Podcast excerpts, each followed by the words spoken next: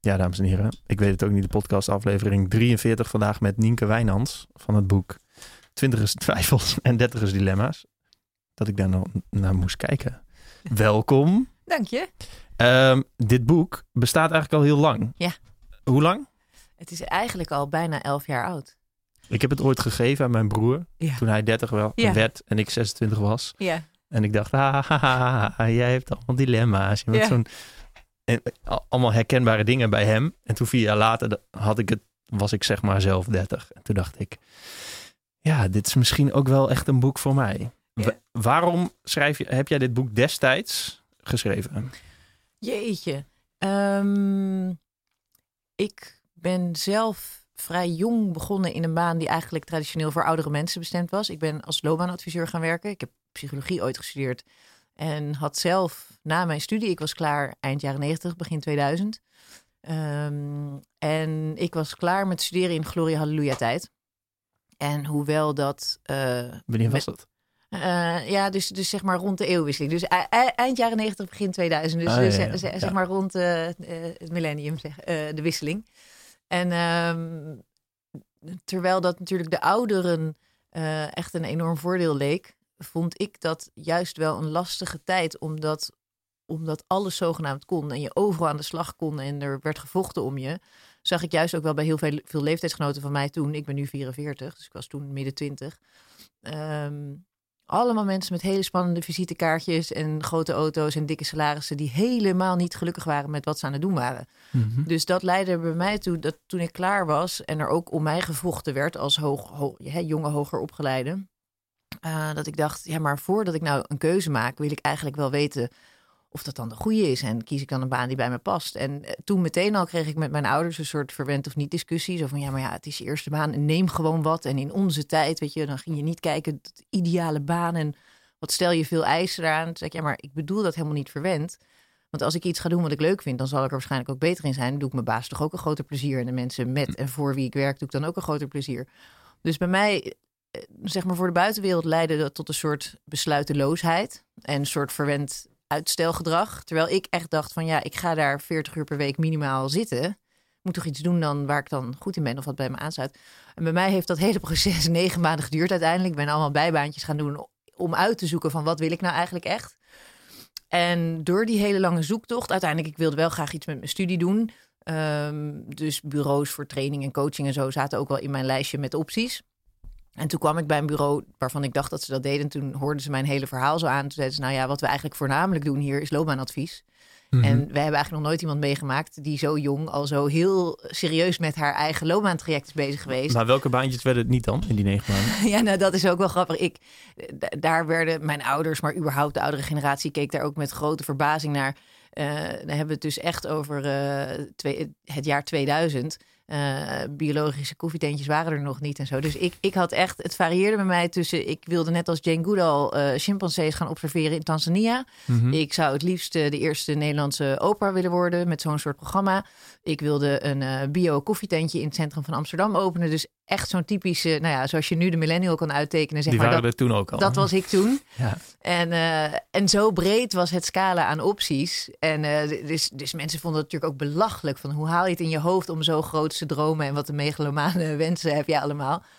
Maar zo bedoelde ik het toch niet. En dat vond ik eigenlijk al meteen het eerste lastige. Dat mensen daar zo heel erg naar keken. Alsof dat zo verwend was. En ik begreep ook heus wel dat het niet meteen... dat ik op dat, op dat niveau zou kunnen instappen.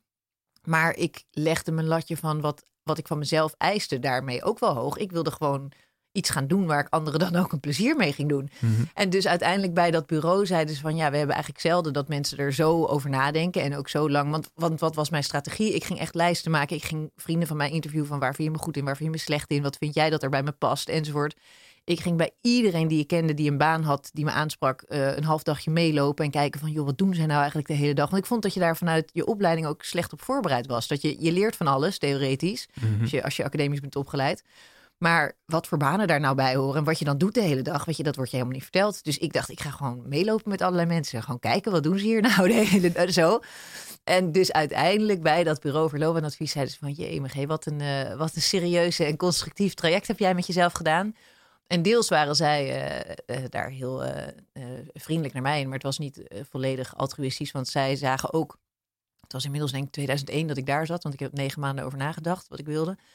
En zij, het World Online drama was net gebeurd en zij zagen een beetje in Nederland dat misschien het einde van, van de piek wel in zicht was. Misschien voor onze jongere luisteraars moet je even uitleggen dus wat de, World Online oh, ja, nou ja, de crisis voor de vorige crisis. Dus het begon de met... Vorige bubbel. Ja, precies. Dus waar echt zeg maar de internet-hype enorm was geweest. En heel veel jonge mensen, dus net zo jong als ik toen, dus zeg maar begin twintigers uh, belachelijk veel geld hadden verdiend en heel succesvol waren geweest. Toen ineens knapte die bubbel door een heleboel dingen bij elkaar. Uh, uh, hoe heet het? 9-11 was daar ook een onderdeel van. Mhm. Dus op een gegeven moment toen, um, eind 2001, begin 2002, klapte de hele economie in elkaar. En mijn bazen voorzagen dat een beetje en die dachten van nou, als we dan opeens van alle grote bedrijven waar wij voor werken heel veel jonkies aan tafel krijgen, dan worden dat vast geen grote dure trajecten. Dan wordt dat vast, moet het allemaal goedkoop. Nou, dan nemen wij deze goedkope kracht Nienke Wijnands hier in dienst en dan uh, kan zij een beetje haar leeftijdsgenootjes coachen. Ja. Dus zo is dat ooit begonnen. Jemig, wat een lang antwoord op jouw eerste, op jouw eerste vraag. Minuut en wat gebeurt? Ja. Nu, nu, kan ik, nu kan ik in één klap doorhalen, want wat gebeurde er toen? Ik kreeg dus vanaf dag één allemaal twintigers aan tafel. En ik herkende bij hen precies hetzelfde. Dat ten eerste werden zij als de, door de oudere generatie als verwend weggezet, omdat ze dus vertelden moeite te hebben met het leven in de meerkeuzemaatschappij. Mm En het grappige was dat tot dan toe je nog nooit in wetenschappelijk onderzoek en dus zeker niet in populaire media ook maar iets had gestaan over dat het nog wel eens lastig zou kunnen zijn om te kiezen uit veel opties. Het was altijd geweest, ja. Was dat boek van Barry Schwartz er nog niet toen? Nee, dat, dat, uh, dat is van ongeveer die tijd. Dus, en dat was het hele boeiende, want keuzestress was maar één ding van, van de dertigers, twintigers en dertigers van toen. Ik zal je straks aan de rest vertellen, maar dat was inderdaad juist het boeiende. Dat gevoel wat ik had gehad, die discussie die, die, die ik met mijn ouders voerde van hoe kan het nou een nadeel zijn om veel te kiezen te hebben? Weet je wat een luxe situatie. Ze vechten om jou op de arbeidsmarkt en, en daar heb je over te klagen. En ik kon maar niet uitleggen waarom dat nou lastig was. Omdat ik dacht, ja, al die opties, hoe maak ik daar ooit hè, de juiste keuze uit? En het grappige was dat je vanaf het moment dat ik me dus op kantoor ging bezighouden met twintigers en dertigers die daar ook last van hadden, die dus ook gebukt gingen onder keuzestress, wat voor de oudere generatie echt een vies woord was, daar mocht je echt niet over klagen. Je vanaf dat moment in allerlei andere disciplines, dus ook in de economie en bedrijfskunde uh, die onderzoeken naar boven kwamen over te veel te kiezen hebben, maakt, hè, maakt de mens ongelukkig en stressvol en, en beïnvloedt ook op negatieve manier het keuzeproces. En inderdaad, toen kwam ook dat boek van, uh, van Barry Schwartz, waar jij het over hebt, ja. uh, The Paradox of Choice, een heel goed boek. Dus, maar dat was één onderdeel ervan. En eigenlijk bij, bij mijn leeftijdsgenoten merkte ik nog twee andere dingen op, waar ik dan zelf tot dat moment nog geen last van had gehad dat ze ook in een moderne tijd, waarin dan ogenschijnlijk alles kon, toch nog heel erg bezig waren bij het bepalen van hun eigen status of succes, of zelfs hun eigen geluk of gemoedstoestand, heel erg naar buiten keken. Dus hoe ver is een ander al? Oh, die studiegenoot heeft al een betere baan. Oh, die beste vriendin is al getrouwd. Oh, zij heeft al een eigen huis. Oh, hij heeft al een kind. Oh, die moet je de. En dat ze dus continu bij het bepalen van hoe doe ik het zelf eigenlijk, continu naar buiten keken. Mhm. Dus die sociale vergelijking ging mij uh, opvallen. En als derde, iets wat ik helemaal lastig vond toen, dat ik echt ja, eind twintigers aan tafel had. Die, uh, nou, een goed voorbeeld, uh, een jongen die piloot was, die eigenlijk in het tweede gesprek al tegen mij zei van, ja, weet je, iedereen denkt natuurlijk van, dit is de idea, dit is de ultieme jongensdroom. Mm -hmm. Ik ben piloot, ik heb een supermooi huis, ik heb een hele leuke vriendin, ik heb een mooie auto, ik heb een geweldig inkomen. Maar steeds vaker denk ik, ja, is dit het nou? Weet je wel, wil ik nou nog tien jaar zo verder? Dat ik echt dacht, hè, ik zit hier... Ik kan dit? Ja, ik zit hier met iemand van 29, maar die heeft een midlife crisis. Dat kan toch niet? Ja. En dat allemaal bij elkaar, dus keuzestress, sociale vergelijking en een soort is dit alles gevoel, was, en dat hoorde ik steeds terug. Dus bij al die jongeren hoger opgeleiden. En toen ben ik eerst gewoon online onderzoek gaan doen. En toen was er niks over. En uh, toen alles wat ik hoorde in die gesprekken, in die loopbaan- en coachingsgesprekken die ik voerde, alles gaan opschrijven. En een eigen theorie bedenken van, hé, hey, wat is dit nou? En wordt, wordt dit heel klein in een heel klein groepje, weet je, uh, um, de grachtengordel twintigers en dertigers beleefd? Of is dit ook breder in heel Nederland? Uh, bij bedrijven waar we voor werkten gaan aankloppen en gaan vragen aan de HR-managers van is dit iets wat jullie herkennen? En uiteindelijk bleek uit alle hoeken eigenlijk dat dit een zo herkenbaar thema was waar nog niemand iets over had gezegd en zeker al geen woord voor was of een naam of wat dan ook.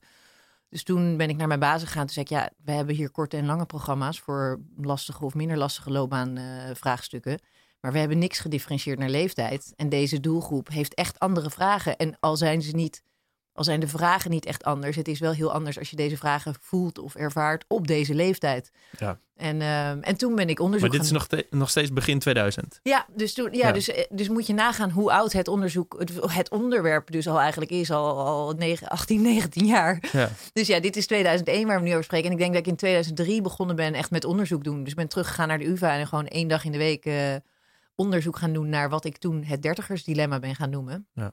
En, eh, eh, ja, en eh, jaren, twee jaar bezig geweest met onderzoek doen. En toen uiteindelijk, toen het eenmaal ergens in de media verscheen en ook dat woord erbij, weet je, het dertigersdilemma. Heb, denk, je, heb jij die term bedacht? ja, het grappige was dat ik dat, dat is ook geestig om, om, om terug te halen. Dat voor mij was het echt. Ik hoorde iets wat zo eh, een gevoelige snaar raakte bij die, bij die doelgroep. En mijn bazen, wederom, waren niet geheel altruïstisch. Ze vonden het super boeiend en interessant. Maar zij dachten ook: ching ching, kassa. Weet je, dit is leuk. Ze verzint iets heel nieuws. Dus die waren mij steeds aan het pushen om het concreet te maken. Dus die zeiden steeds van zet het nou op papier, weet je wel. Maar geef er een naam aan. En, en ik, ik, ja, ik vond dat lastig. En ik, wilde, ik vond dat in mijn beroepsgroep al zoveel gebakken lucht werd verkocht. Dus ik wilde eerst grondig onderzoeken en dan pas iets doen. Maar nou, ik weet nog heel goed, ik had het kleinste kantoor natuurlijk van, van, eh, van het bedrijf. En dat mijn baas bij mij in, in mijn hok kwam zitten en achter mijn computer ging zitten en zei maar... Oké, vertel me nou stapsgewijs, wat bedoel je nou? Dus ik noemde al die punten op. Zei oké, de duivelse dilemma's der dertigers zat hij te typen. En hij, hij eh, historicus van, van, eh, van zijn achtergrond. Dus ik zat later zat ik dat documentje door. En ik had beloofd van, nou, ik maak er een handzaam documentje van. Een samenvatting van wat ik bedoel. Dacht ik, De duivelse dilemma's der dertigers, dit is niet om aan te horen. Nou, dat kan korter, dat kan beter. Dus toen uiteindelijk op die manier is het, heb ik er het dertigersdilemma van gemaakt. Ja. Wat taalkun- taalkundig ook niet helemaal klopt. Maar het grappige is, in 2006 stond het in het eh, jaarboek Taal van Van Dalen. Een nieuw, een nieuw woord bedacht gewoon. Ja, Oh, dat is wel echt ja, tof. ja. Oh, dat is, ja, dat is wel echt cool. En toen heb je dat onderzoek gedaan. Dat staat trouwens ook helemaal achter in je boek hoe dat is gedaan. ja. Met iets meer dan... Waren er nou ongeveer 2000 respondenten? Ja, daar hebben eh, 2500 mensen of zo zijn begonnen aan die vragenlijst. En dan heb je natuurlijk altijd weer dat sommige mensen maakt niet af. Of je kon zien dat mensen gewoon klakkeloos alles een zeven hadden ja. Weet ik wat. Dus Die hebben hem verkeerd ingevuld. ik heb, niet, ik heb niet selectief geselecteerd. Tenminste, niet met een, met een oogmerk geselecteerd. Maar uiteindelijk bleven er, zeg maar, na het, na het afvallen van mensen die het of fout hadden ingevuld. of die niet voldeden aan de door mij vooraf gestelde criteria. bleven er 1262 bruikbare respondenten over. wat voor wetenschappelijk onderzoek echt enorm is. Mhm. Maar het meest boeiende daarvan was dat ehm, ik had twee dingen gedaan. Ik had, mijn doel om dat onderzoek te doen was... maak een beter loopbaanprogramma voor deze doelgroep. Want ik dacht, ik wil ze gewoon helpen. Ik, Ja, ik ja, vond- maar ook eh, toch gewoon toetsen of het er überhaupt is. Precies, nou dus en, mijn, mijn insteek was, ik wil deze doelgroep beter helpen. Ehm, en om dat te doen, moest ik eerst weten van bestaat het dan wel? Wat ik denk, wat ik denk dat er is, is dat er ook echt? Ja. Dus het was echt een exploratief onderzoek ehm, om te bedenken, bestaat het dertigersdilemma? En als het bestaat, wat is het dan? Dus waar is het uit opgebouwd enzovoort. Dus ik had zeven verschillende schalen gemaakt over tijdsdruk en sociale druk, twijfel over loopbaan, kindervraagstuk, zingevingsvragen enzovoort. En eh, dus ik had een test ontwikkeld waarbij ik dan met één druk op de knop kon berekenen of jij m- middelmatige of hoge of lage score had op het dertigersdilemma. Dus heb jij er heel veel last van of niet? Ja, Maar- ja, maar in je boek heb je nog last, een beetje tussen haakjes. Aanhalingstekens staan, sorry. Ja, precies. Nou, daar moet het er zeker straks, ja, precies. ja. Daar moet het straks over hebben. Van is het erg? Nee, we- zeker niet. Maar inderdaad, het meten gewoon van heb je er last van, lag dan aan allerlei dingen. En dat, dat kon je bijvoorbeeld, hè, als je veel last had, dan vond je het heel moeilijk om knopen door te hakken bijvoorbeeld. Ja. Maar als je heel veel last had, dan lag je daar ook nog wakker van. Want ik had ook een fysiologische schaal ingebouwd van mensen van, hè, ik, ben ik pieker veel of ik voel me besluitloos, maar ik voel me ook slap of moe of weet ik wat zo. Maar ik had die test gemaakt om te bedenken van, nou, ik, ik beweer dus als onderzoeker te kunnen meten van heb je er last van. Maar ik vond het eigenlijk ook wel heel boeiend. eh, of mensen dit zelf inmiddels al waren gaan herkennen als een soort fenomeen. Weet je, niet alleen die mensen bij mij aan het bureau, maar ook gewoon in heel Nederland. Dus ik had uiteindelijk helemaal aan het einde van de vragenlijst had ik een definitie ingevoerd van, nou, dit en dit is wat ik het dertigersdilemma noem. En dan had ik eh, als vraag, her- hè, heb jij zelf in meer of matere, mindere mate hier last van? En dan konden mensen gewoon zeggen ja, een beetje, ja, heel erg of nee, geen last van. En bij nee, geen last van konden ze dan ook zeggen nee, nu geen last meer van, maar in het verleden wel gehad. Ja, enzovoort. En het grappige was dat wij bij psychologie heb je natuurlijk altijd te maken met eh, de sociale wenselijkheid van het beantwoorden van vragenlijsten. Dus ik was heel bezorgd dat zo'n zelfbewuste jonge, hoogopgeleide groep niet zou durven zeggen dat ze hier last van hadden. Dus ik had als controlevraag ingebouwd: herken je dit fenomeen bij leeftijdsgenoten? Want Ja. ik dacht, als niemand nou zegt dat ze er zelf last van hebben, maar iedereen herkent het wel bij leeftijdsgenoten. Maar goed, dat had niet eens, was niet eens nodig geweest, want inderdaad 90% herkende het bij leeftijdsgenoten. Mhm. Maar maar liefst eh 72,3% gaf zelf aan in meer of mindere mate last te hebben van het dertigersdilemma. En van de kwart die zij geen last te hebben, zijn nog ook nog eens keer de helft er in het verleden wel last van te hebben gehad. Dus Ja. en dat was echt overweldigend. Oh ja, en daar hadden we het net over toen dat eenmaal naar buiten kwam de eerste keer. Hè, dat woord, het dertigersdilemma. En dan ook onderzoeksresultaten dat dus onze hoogopgeleide populatie tussen de 25 en de 35 dat die last hadden ergens van en dat ze de- zoveel dus. Nou ja, vanaf dat moment was dat onderwerp ook niet meer uit de media te slaan. Nee, dat is natuurlijk super interessant. Ja. Je kunt er echt heel veel dingen over zeggen. Ja, ja, Je kunt, ja, er, er ontstaan waarschijnlijk direct twee kampen. Ja. Met inderdaad de mensen die zeggen van ja, verwend. modeverschijnsel, Ja. weet je wel. En er, er waren natuurlijk, eh, de burn-out is ook nog steeds niet helemaal van zijn, van zijn etiket en label als modeziekte af. Ehm, en dit dertigersdilemma was natuurlijk zeker in die tijd. eh, van, oh, jeetje, Mina, weet je wat een verwend gedrag van die jongere groep. En eh, ze moeten eerst maar eens even tien jaar flink aan het werk en dan piepen ze wel anders. En het dat is nu natuurlijk helemaal grappig om te zeggen, omdat we nu 19 jaar verder zijn. En, het en is er nog steeds. Ja, ik moest, ik moest aan denken laatst. eh, gewoon, dit is een heel raar uitstapje. Maar. Frank de Boer, Ja. de voetbaltrainer. ja. Die is nu trainer bij eh, Atlanta United, volgens mij heet dat zo. En die zei, eh, die kon niet zo goed Nederlands naar Engels vertalen. Want hij vond de, de supporters nogal spoiled, zei hij. ja. Maar dat, dat komt omdat ze vorig jaar kampioen waren geworden. En Ja. een heel mooi voetbal hadden laten zien. En dat Ja. het nu een nieuw seizoen is met andere spelers. Maar hij bedoelde dus, wat jij ook beschrijft in je boek, het voltooid deelwoord. Ja, ze verwend, zijn vorig jaar verwend Ja, door het voetbal wat er toegespeeld wordt. Ja. Dat betekent niet dat ze zich dat ze verwend, zijn bij voeglijk naamwoord. ja, En, en toen ik dat las in jouw boek, dacht ik, ja, volgens mij is dat ook een beetje de discussie die, die nu eh, die eigenlijk altijd al gaande is tussen, nou laten we het chargeren, babyboomers en millennials. ja. Babyboomers zeggen, ja, wat gedragen jullie verwend? Ja, maar wij zijn door jullie verwend. Jullie Was een- hebben ons verwend. ja, Ja, jullie hebben ons verwend. Ja, Dat is een beetje hoe, het, eh, hoe die discussie eigenlijk dus al nu al bijna twintig jaar loopt. ja, Dus ja, dat is wel grappig als, als, als dat verwijt er is. Wat, wat zijn jullie verwend? Ja, dat klopt. ja, zeker. Nou in ja, die en zin wel. kijk, dat, dat is ook... ehm, want, want precies wat jij zegt, eigenlijk, er zitten zoveel verschillende kanten ook aan dit onderwerp. Ehm, maar dat luxe probleem is één, één aspect daarvan. Ehm, in, het eerste, in de eerste host, zeg maar, dus 19 jaar geleden, heb ik me echt nog wel vaak laten verleiden om die discussie heel uitvoerig te voeren. Ehm, hè, want is een luxe probleem daarmee ook te disqualificeren als een probleem? Is een luxe probleem geen probleem? Of is een luxe, luxe probleem een minder ernstig probleem? Ja, het is Als wel je- gek om te, ze- Ja. te zeggen, toch? Ik bedoel, Ja. het is nog steeds een probleem. Ja, Nou, dat- dat. En op een gegeven moment was ik zelfs zo leep dat ik dan maar gewoon tegen grote commerciële bedrijven ging zeggen van, joh, weet je of je er nou in gelooft of niet, of het nou een luxe probleem is. Als die mensen thuis op de bank zitten, heb je daar last van financieel gezien gewoon, weet je, dan ging ik het zo. Terwijl dat niet is wat ik eigenlijk van binnen het belangrijkste aspect Nee, daaraan vind. Maar dat ik dacht, ja, weet je, we kunnen er heel lang over blijven doorzeuren. Maar want als je het terughaalt, ehm weet je, deels zei jij van, hey, die keuzestress, was dat dan nog niet bekend? Nee, dat was dus nog niet bekend. En er kwamen toen vanaf 2001 eigenlijk allemaal boeken en eh, wetenschappelijke artikelen over. Dit onderwerp, dus die jongere, hoger opgeleiden, die dus last hadden van keuzestress, sociale vergelijking en zingevingskwesties. Dat zag je op een gegeven moment vanaf mijn boek, ook in alle andere westerse landen eigenlijk wel. Dus in Amerika kwam er een boek over de quarter-life crisis. Mhm. In Engeland kwam er een boek over midlife crisis at 30. In Zuid-Afrika kwamen er boeken over dit onderwerp. Dus je zag op een gegeven moment dat dit gewoon een, een maatschappelijke verandering was. Die dus in alle westerse landen hetzelfde teweegbracht. En eigenlijk als je de oude ouderwetse Maslow-pyramide uit de kast haalt.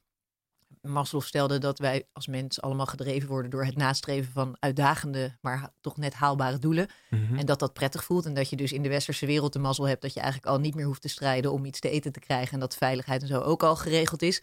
En dat je dan dus als mens eh, steeds verder gaat in die piramide. Je wil erkenning, je wil goede relaties, vriendschappen enzovoort. En dan het hoogste trapje in de Maslow-pyramide is eh, zelfontplooiing. Dus dat je dan gaat nadenken over zingeving en wat vind ik eigenlijk belangrijk.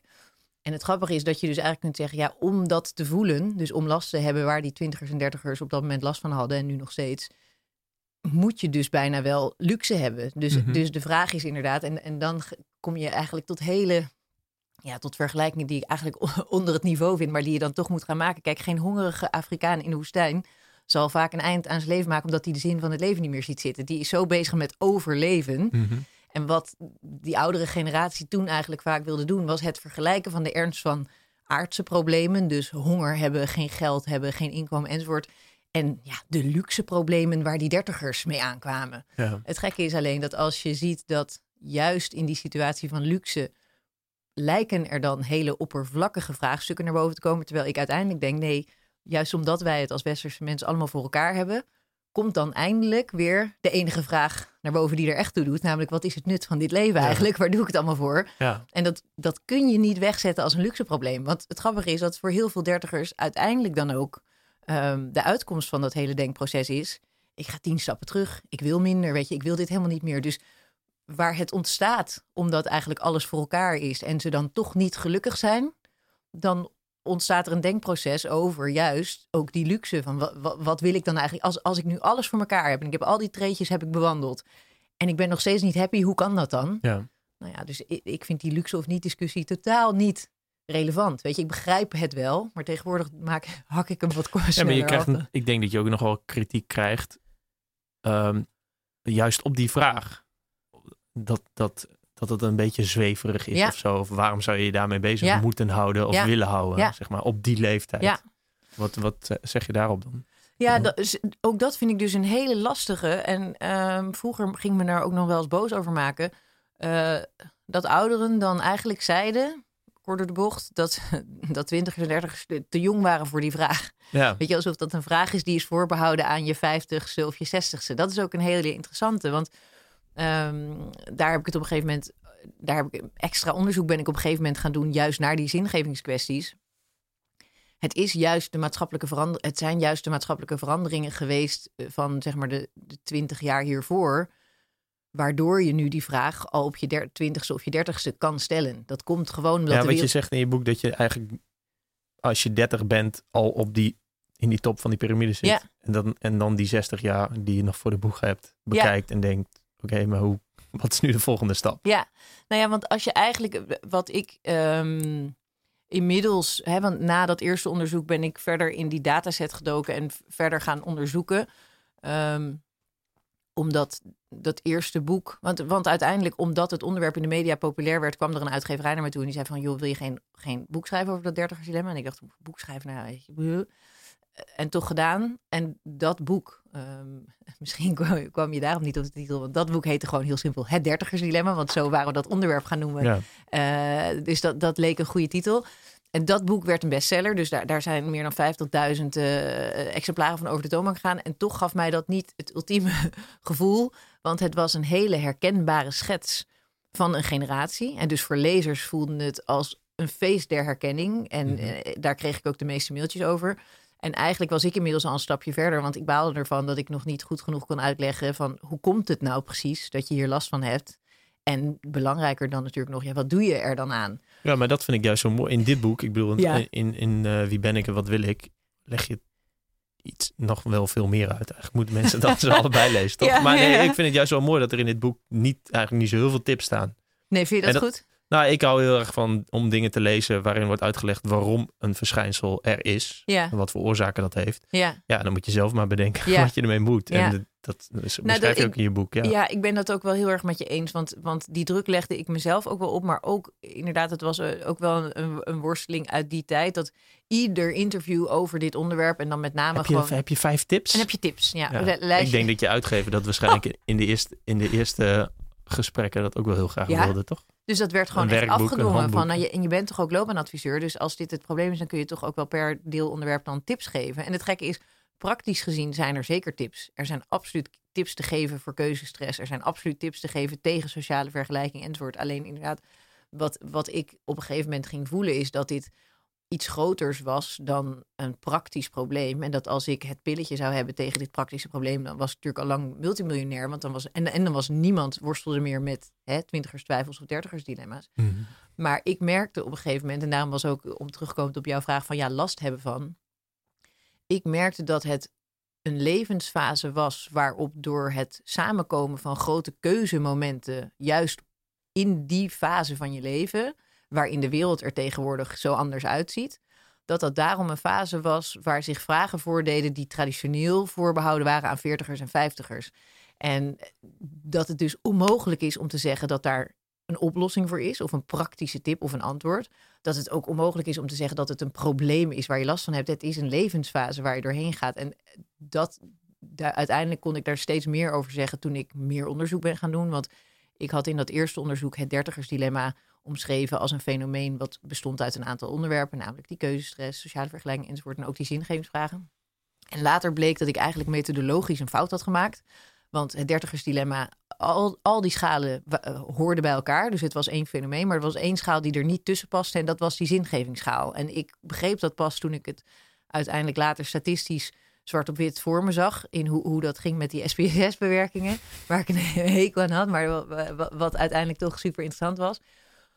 Ik kwam er eigenlijk achter omdat ik eerst een rangorde ging maken van de tien hoogscorende vragen uit die vragen. Ik dacht, ik ben gewoon benieuwd waar mensen nou het meest last van. En ik verwachtte dat dat zou zijn van, omdat er veel te kiezen is, vind ik het steeds lastiger om een keuze te maken of weet ik wat. Nee, nummer 1 tot en met 6 uit de top 10 werden bezet door stellingen uit die zingevingsschaal. En dat waren echt best wel expliciete vragen, zoals steeds vaker denk ik na over de zin van het leven. En ik dacht echt, hé, hoe, kan het, hoe kunnen dat nou de hoogscorende vragen zijn? Maar toen kwam er iets veel interessanters. Als ik per individu dus gemiddelde score op die zingevingsschaal berekende, kon ik ook voorspellen of jij hoog of laag zou scoren op de rest. En achteraf klinkt dat natuurlijk als een hele open deur. Ja. Ja, zo. Maar eigenlijk, ja, nee, weet ik niet. Maar, maar eigenlijk lagen ze er dus onder of zo. Die, Precies. dus ja, dus die zingevingsschaal zweefde erboven. En die zes andere schalen hingen daaronder als totaalpakketje. Ja, en hoe hoger jij scoorde op die zingevingsschaal, hoe meer last je had van het gemiddelde van die overige schalen. Want dat wilde ook niet zeggen dat iedereen dan heel veel last had van LOBA. Nee, dat was juist het interessante. Ik kon daarna je gemiddelde scoren op die zes, op de combinatie van die zes. Want bij de een Kijk, want, want, want het is een open deur, maar het is natuurlijk achteraf logisch. Hoe meer jij op het hoogste niveau geen idee hebt, waar doe ik het allemaal voor, wat voor zin heeft dit leven, hoe lastiger het natuurlijk ook is om daar een baan of een kind of een partner of een weet ik veel wat voor keuze aan vast te plakken. Maar dat uitte zich niet bij iedereen op dezelfde manier. Dus de een die heel hoog scoorde op zingevingsvraagstukken, had op dat moment van het afnemen van die vragenlijst enorm last van loopbaanvraagstukken en van de rest wat minder. De ander die heel hoog scoorde op zingevingsvragen zat enorm in een relatiedilemma en niet zozeer op de andere. En dat was ook het grappige. Ik merkte dat die twintigers en dertigers bij mij aan tafel. Er was maar een enkeling, zoals die piloot, die het echt zo expliciet noemde van. Hè, waar doe ik het eigenlijk allemaal voor? De meesten hadden echt het gevoel dat het grootste probleem op dat moment in hun leven was: ga ik wel of niet die MBA doen? Wil ik nou echt eigenlijk wel kinderen? Uh, wil ik niet een huis in het buitenland? Dus die voelde de urgentie van de vraagstukken op praktisch niveau. Maar ik kon dus uiteindelijk met mijn onderzoek aantonen dat de mensen die daar heel erg in vastliepen, waarschijnlijk ook op het hoogste niveau eigenlijk nog niet bedacht hadden van wie ben ik nou eigenlijk echt en waar doe ik het voor enzovoort. Ja, maar dat is ja, dat komt dus heel vaak terug. Die waarom-vraag is heel vaak de, de belangrijkste vraag. Mhm. En niet de wat en de hoe. Nee. Zeg maar, wat... Nee, en wat, wat ik uiteindelijk dus ook eigenlijk best wel een beetje chargerend en als knuppel in het hoenderhok kon gaan stellen was... het dertigersdilemma is niks meer, maar vooral ook niks minder dan een verschijningsvorm van existentiële vragen die, omdat de wereld er nu anders uitziet, opeens leek het toen, hè, want nu zijn we er een beetje aan gewend, opeens plaats leek te vinden tussen de 25 en de 35. En het grappige was dat je traditioneel gezien had je bij mensen die vroeg wijs waren, had je de puberteit. Weet je, dat was de eerste fase in een mensenleven waarin hè, een, een puber die zich ging ontworstelen aan het gezin en dacht, ik vind deze mensen met wie ik in dit huis woon eigenlijk maar eikels. Ik ga een piercing nemen of ik ga weglopen of weet ik wat. Dat, dat was dan de eerste oprisping van die identiteitsvraag en van mhm. wie ben ik en waarom, waarom ben ik hier eigenlijk echt. En dan omdat wij in de westerse maatschappij op een vast, uh, ja, vastgelegd spoor zaten meestal. We stapten in de trein van opleiding, studie, trouwen, kinderen. En dan was er dus. Ja, maar überhaupt niet zoveel studeren zoals nu, toch? Ik nee, zeker niet. Nee, nee, nee. Dus inderdaad, dan, dan hebben we. Dus dat, dat maakt het al helemaal lastig. Dus de, Precies. Er kwamen meer keuzes. De generatie van mijn, van mijn ouders, dus de, de babyboomers, die zaten echt nog in het vaste stramien dat rond de 20, 25 werd er getrouwd en kwamen de kinderen. En dan zie je gewoon, dan is er geen ruimte in het hoofd, maar zeker niet in het praktische leven, om dan heel erg navelstaarderig te gaan bezig zijn met die zingevingskwesties. Dus wat zag je in die hè, periode, dus zeg maar tot 2000 eigenlijk altijd gebeuren? Dat rond de puberteit waren er mensen die uh, zo'n oprisping hadden van existentiële vragen. En dan traditioneel gezien waren het de veertigers en de vijftigers die eigenlijk pas wanneer de kinderen de deur uitgingen, dan kreeg de man de traditionele midlife crisis van van jemig, ik heb me nou mijn halve leven kapot gewerkt voor het gezin en Mhm. wil ik dit eigenlijk wel? En dan kwam de motor of de relatie met secretaresse zeg maar om de hoek kijken. En bij de vrouwen was het echt het empty nest syndroom de eerstvolgende verschijningsvorm van existentiële vragen, namelijk de kinderen gingen de deur uit en de vrouw dacht En, Ja, wat- ja, ja, en nu, ja. wie ben ik nu nog, nu ik geen moeder meer ben? Ja. En wat dus heel bijzonder was in mijn tijd toen ik 30 was, omdat wij waren de eerste groep, dat we omdat we ehm, eigenlijk qua zelfstandigheid en financiële, financiële onafhankelijkheid het alleen nog maar sneller deden dan de generatie van mijn ouders.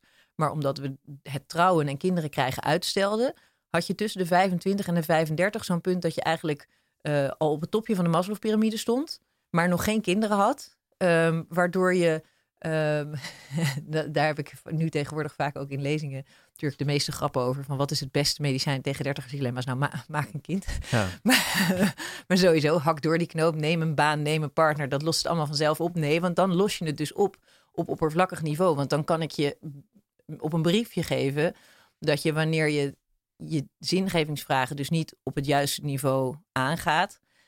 En ze dus oplost door gewoon maar een baan te nemen of een partner te nemen of nog erger een kind te nemen. Dan krijg je op je 40ste, 50ste de traditionele midlife crisis. En wat dus de grote luxe is van deze tijd. Als doordat jij die zuivere denktijd hebt, omdat je nog geen kinderen hebt, maar de rest wel voor elkaar. En die zingevingsvragen zich aan je opdringen. Dan is mijn advies dus ook echt, doe daar wat mee. En ga echt heel serieus nadenken over van wat vind ik eigenlijk belangrijk in dit leven. Ik woon in deze maatschappij, maar zijn de normen en waarden van deze maatschappij wel de mijne? Wil ik wel meerennen in die materialistische red race of juist niet? Wil ik... Neem ze dan heel serieus. Want ook al verandert je leven en ook al kun je geen blauwdruk maken daarna van, oh, nou, mijn idee over de zin van het leven is A plus X min Z. Dat kan Mhm. niet, naar mijn idee.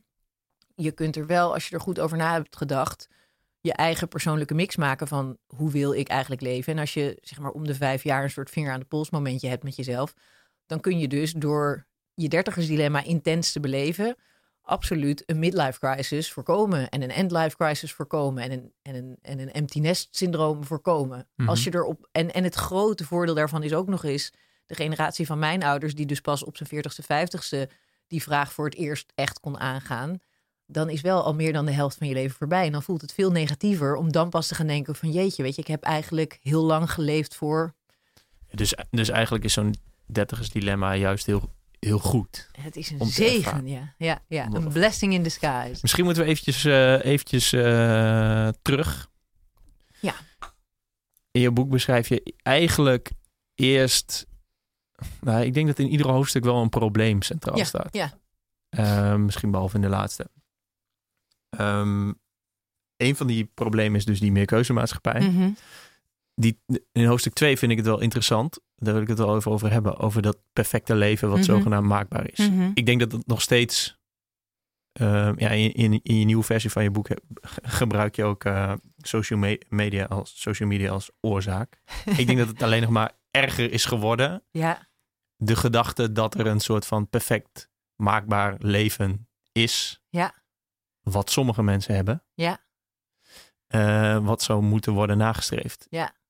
Is, het, is, het, is dat echt erger geworden? Eh, Ja, we- want- weet je dat? Ervaar je dat? Heb je dat gezien, Ja. gelezen? Ehm, eigenlijk krijg ik de laatste tijd steeds meer de neiging om dat hele onderzoek uit 2003 nog eens een keer helemaal te repliceren. Gewoon om te zien van hoe staat het er nu mee. Dat zou leuk zijn. Ik heb het daar wel eens over met collega's om, de, om dat te gaan doen.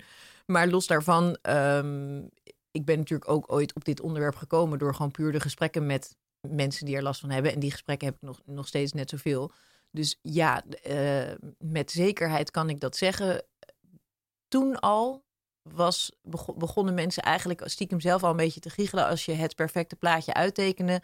Want de gemiddelde eh, randstedelijke twintiger of dertiger had dan eigenlijk een beeld van je hebt een uitdagende baan, je hebt natuurlijk een spannende relatie, je eh, hebt een leuk jaren dertig huis wat je dan zelf gaat opknappen. Eh, Mhm. je ziet je vrienden nog net zoveel als in je studietijd. Je hebt ook tijd en aandacht voor je familie. Je doet er even goed doet ook nog iets vrijwillig, aan vrijwilligerswerk of hè, eh, iets met een, met een ander doel dan jezelf. Als je op reis gaat, dan ga je natuurlijk niet ergens op het strand liggen, maar dan trek je met een rugzak op langs de hoogtepunten van Tibet, Nepal enzovoort. Nou, kinderen, hm, de meeste doen die ook tussen neus en lippen er nog even bij. Je sport voldoende, maar je doet ook aan mindfulness en yo. En dan kwam er zo'n plaatje naar boven waar mensen eigenlijk al zeiden van ja, dit kan natuurlijk gewoon eigenlijk niet, weet je wel. Een dag heeft maar 24 uur en een week heeft maar 7 dagen. En wat wij elkaar voorspiegelen van hoe het ideale leven eruit ziet, dat is een leven waar alles in zit. Ja. Wat je toen al zag, is wat ik beschreef, dat in mijn tijd al eh, mensen continu zich om te bepalen van hoe happy ben ik eigenlijk vergeleken met anderen. Ehm, en dat sociale vergelijking is psychologisch gezien gewoon een heel interessant begrip. Want het is al zo oud als de mensheid. Het is in de basis eigenlijk ook een heel nuttig fenomeen. Want je kunt jezelf niet makkelijk beoordelen. Dus al vanaf het prille begin van de mensheid kijkt de mens naar anderen Mhm. om zichzelf de maat te nemen. Ja, het is een beetje, door Instagram bijvoorbeeld, is het een beetje de zichtbaarheid is, is groot. en Dus- door democratie is alles mogelijk. Wat eigenlijk, nou ja, je hebt, je hebt zelf heb je het over status, status anxiety, dat boek van uh, Alain de Botton. Ja, ja. Wat een fantastisch boek is. Ja. Maar hij zegt van ja, vroeg- vroeger was het gewoon anders. Ja, je was, je was zeg maar boer. En dan kreeg je een zoon, die werd ook boer. En Ja. zo, zo simpel was het eigenlijk. Ja. En nu is eigenlijk alles, in principe is alles mogelijk. Ja. Maar het is wel een zegen Hij en een zegt, vloek. hij zegt ook eigenlijk, weet je, de, de ongefortuneerden hadden het vroeger eigenlijk bijna nog minder zwaar. Weet je, je kon vroeger doodgaan van de honger natuurlijk en, en, en van de armoede. Maar hij zei, vroeger, als je ongefortuneerd was, dan was dat het ook echt. Ehm, maar dan was dat tenminste niet je eigen schuld. Tegenwoordig praten we elkaar aan dat als jij het niet gemaakt hebt, dan is dat echt helemaal je eigen Ja, schuld. Dus de druk die we op elkaar leggen, omdat zogenaamd alles mogelijk is. Dus de maakbaarheid van het leven wordt verondersteld. eh, hebben hele legio millennials voelen zich mislukt omdat ze geen tweede Steve Jobs zijn geworden. Terwijl de realiteit is natuurlijk dat niet iedereen kan een tweede Steve Jobs worden. Want je hebt daar niet alleen een garage en een black turtleneck voor nodig. Zoals eh, de Boton dat dan grappig zegt. Hij heeft fantastische YouTube-filmpjes, vind ik, over dit onderwerp. Die ook echt de moeite waard zijn. Maar eh, ehm, kijk, want, want die sociale vergelijking was nuttig. Mensen vergelijken standaard, eh, dat, dat zit gewoon in ons, altijd een klein beetje opwaarts. Nou, ook dat kan Mhm. nog nuttig zijn. Dus dat wil zeggen, je ver- vergelijkt je vaak met mens- mensen die het op een bepaald aspect van het leven net iets beter hebben dan jij. Nou, zolang dat zeg maar vroeger nog binnen de rand van het eigen dorp was, dan kan dat best motiverend werken. Want als je iemand ziet die zijn moestuin net wat praktischer aanlegt dan jij, dan denk je, nou, verrek, dat ga ik ook doen, dat is Ja. handig. Ja. Ehm, en in mijn tijd was het zo, hè, nou, wij hadden, Facebook was er, maar er za- zat bijna niemand op, dus je had nog hives, maar dat, dat was zonder plaatjes. Dus wat wij in mijn tijd al deden, was je vergelijken met studiegenoten, eh, leeftijdsgenoten in de grote stad enzovoort. En dat was al best wel heftig. En op een gegeven moment eh, was er natuurlijk ook al het internet, dus we konden ook, als we, als we zelf op zoek gingen, dan konden we zien eh, hoe de groten der aarde het voor elkaar hadden. Maar dat is natuurlijk met de komst van social media geëxplodeerd. En zeker platforms zoals, zoals Instagram. Daar is niet alleen fout aan, om het zo te zeggen, dat we ons continu kunnen vergelijken. Maar we vergelijken ook ons met een scala aan mensen die allemaal op een bepaald aspect van het leven een uitblinker Ja, het is zijn. een soort gro- groot cheerleader effect. Cheerleader effect? Nee, nee, nee. Ja, het, is, een- het is een beetje denigreren. Ja. Dat is een, dat is een Oh, mooi is dit. Dat is een groep vrouwen waarvan je denkt, oh, die zijn allemaal heel knap. Maar als je ze van heel dichtbij bekijkt, dan is het een soort van, die heeft mooie ogen, die heeft mooi haar, die heeft mooi dit, mooi dat. Ja, dat is een ja. beetje cheerleader effect. Ja. Maar ik heb het idee dat Instagram is dat ook zo. Dus als je er heel vaag snel doorheen scrolt, denk je, wow, iedereen is helemaal perfect en fantastisch. Terwijl, ja, wat je eigenlijk ziet, en dat is ook heel vaak hoe profielen op Instagram eruit zien. Het is allemaal ge- ge- gefocust op één klein dingetje van die persoon. Nou, die kan heel goed dit. Die doet heel vaak dit. Ja. Weet je wel? En dan Nou ja, samen, dat- als je er heel snel doorheen scrolt, denk je van, oké, iedereen is helemaal perfect op Instagram. Precies, want waar dat dan toe leidt, is dat je jezelf omringt. En het gekke is, je zou inmiddels wel denken, want hè, dit is niet nieuw waar we het nu over hebben. Je zou inmiddels wel denken dat we dit weten en ons daar dus ook niet meer zo ernstig door laten beïnvloeden. Maar waar dat dan toch vooral bij twintigers en dertigers toe lijkt te leiden, is dat ze omringen zichzelf met voorbeelden die het dus inderdaad allemaal op een micro-aspect van het leven fantastisch voor elkaar hebben. Waardoor er een soort plaatje ontstaat dat het ideale leven, waarbij je het dus op alle aspecten van het leven zo perfect voor elkaar hebt, waar, waar, waarvan Instagrammers het dus maar op één microdeeltje eigenlijk hebben, dat de permanente staat van ontevredenheid over de staat van het eigen leven echt enorm wordt. Want het gebeurt ook zo onbewust. En je denkt aan de ene kant, ja, hoe bedoel je nou onbewust? Je volgt die mensen toch zelf actief. We denken allemaal dat te doen met de wetenschap van ja, oké, maar dit is een fitnessguru, dus dit, deze body hoef ik echt niet te hebben. Maar ondertussen is het wel, eh, zijn het wel de plaatjes waar je iedere dag maar weer opnieuw mee geconfronteerd wordt. Dus sublimaal, zeg maar heel, heel in, indirect, ehm, zit je jezelf continu te voeren met plaatjes van perfectie op alle fronten van het leven, waardoor die sociale vergelijking ging nog op en werd nog zeg maar enigszins inspirerend wanneer je jezelf mild opwaarts vergelijkt met een Mhm. vergelijkbaar. Ja, maar dan, Eh, dan kan exemplaar. het ook ex- eh, ja, inspirerend werken. Ja, Gewoon, precies. En stel dat jij ook zegt van, nou ja, ik beperk me echt tot één ding. Ik wil, hè, er zijn natuurlijk heel veel interieurgoeroes op, op Instagram. Of er zijn natuurlijk, hè, de minimalisten zijn op dit moment natuurlijk ook, eh, gelukkig misschien wel een beetje in opkomst. Als je één stuk van het leven pakt en je, je wil je ook graag laten inspireren, dan is het natuurlijk best een prima fenomeen om dan daar op Instagram te kijken van hoe doen die mensen dat. En Mhm. ik hou helemaal al van Instagrammers die, die je de laatste tijd gelukkig ook steeds meer ziet, die ook beschrijven in hun tekst bij de fotootjes. Van nou ja, weet je, dit is de ene hoek van mijn kamer die ik nu gestyled heb voor deze foto. En de rest is een ontplofte bom. Dat is natuurlijk leuk en eerlijk. Maar er zijn er ook een heleboel die zeggen van nou ja, dit, hè, dit is mijn expertise. Maar die ook eerlijk zijn over de, over de rest van hun leven. Mhm. Maar dat doen mensen dus eigenlijk niet. Dat doen we veel te weinig. We zitten dus toch onszelf te voeren met de totaalplaatjes. ja, maar het is, ik vind ook niet dat, het, dat we individuen op Instagram hoeven aan te rekenen. En we hoeven het Instagram ook niet aan te rekenen, zeg maar. Het, ja, het is Nee, het een is een fenomeen. verantwoordelijkheid bij, eh, eh, dat zou je kunnen zeggen. En Ja, ja het, het, het gebeurt. Ja. Het is er nu eenmaal. Dus Ik bedoel, ja, Instagrammers zullen zeggen van ja, ik, ik wil mensen inspireren. Ja, dan we- kunnen we daar ook nog wel een hele discussie over voeren of dat een soort van levensdoel van je kan zijn. Maar ik wil ja, mensen inspireren. Nou, prima, is je goed Mhm. recht als je dat zo Ja. wil doen. Het, eh, ik moet wel erbij zeggen, ik, eh, een schuldvraag is sowieso niet nuttig. Want het is een heel complex gegeven hoe de wereld er nu uitziet en dat dit er is.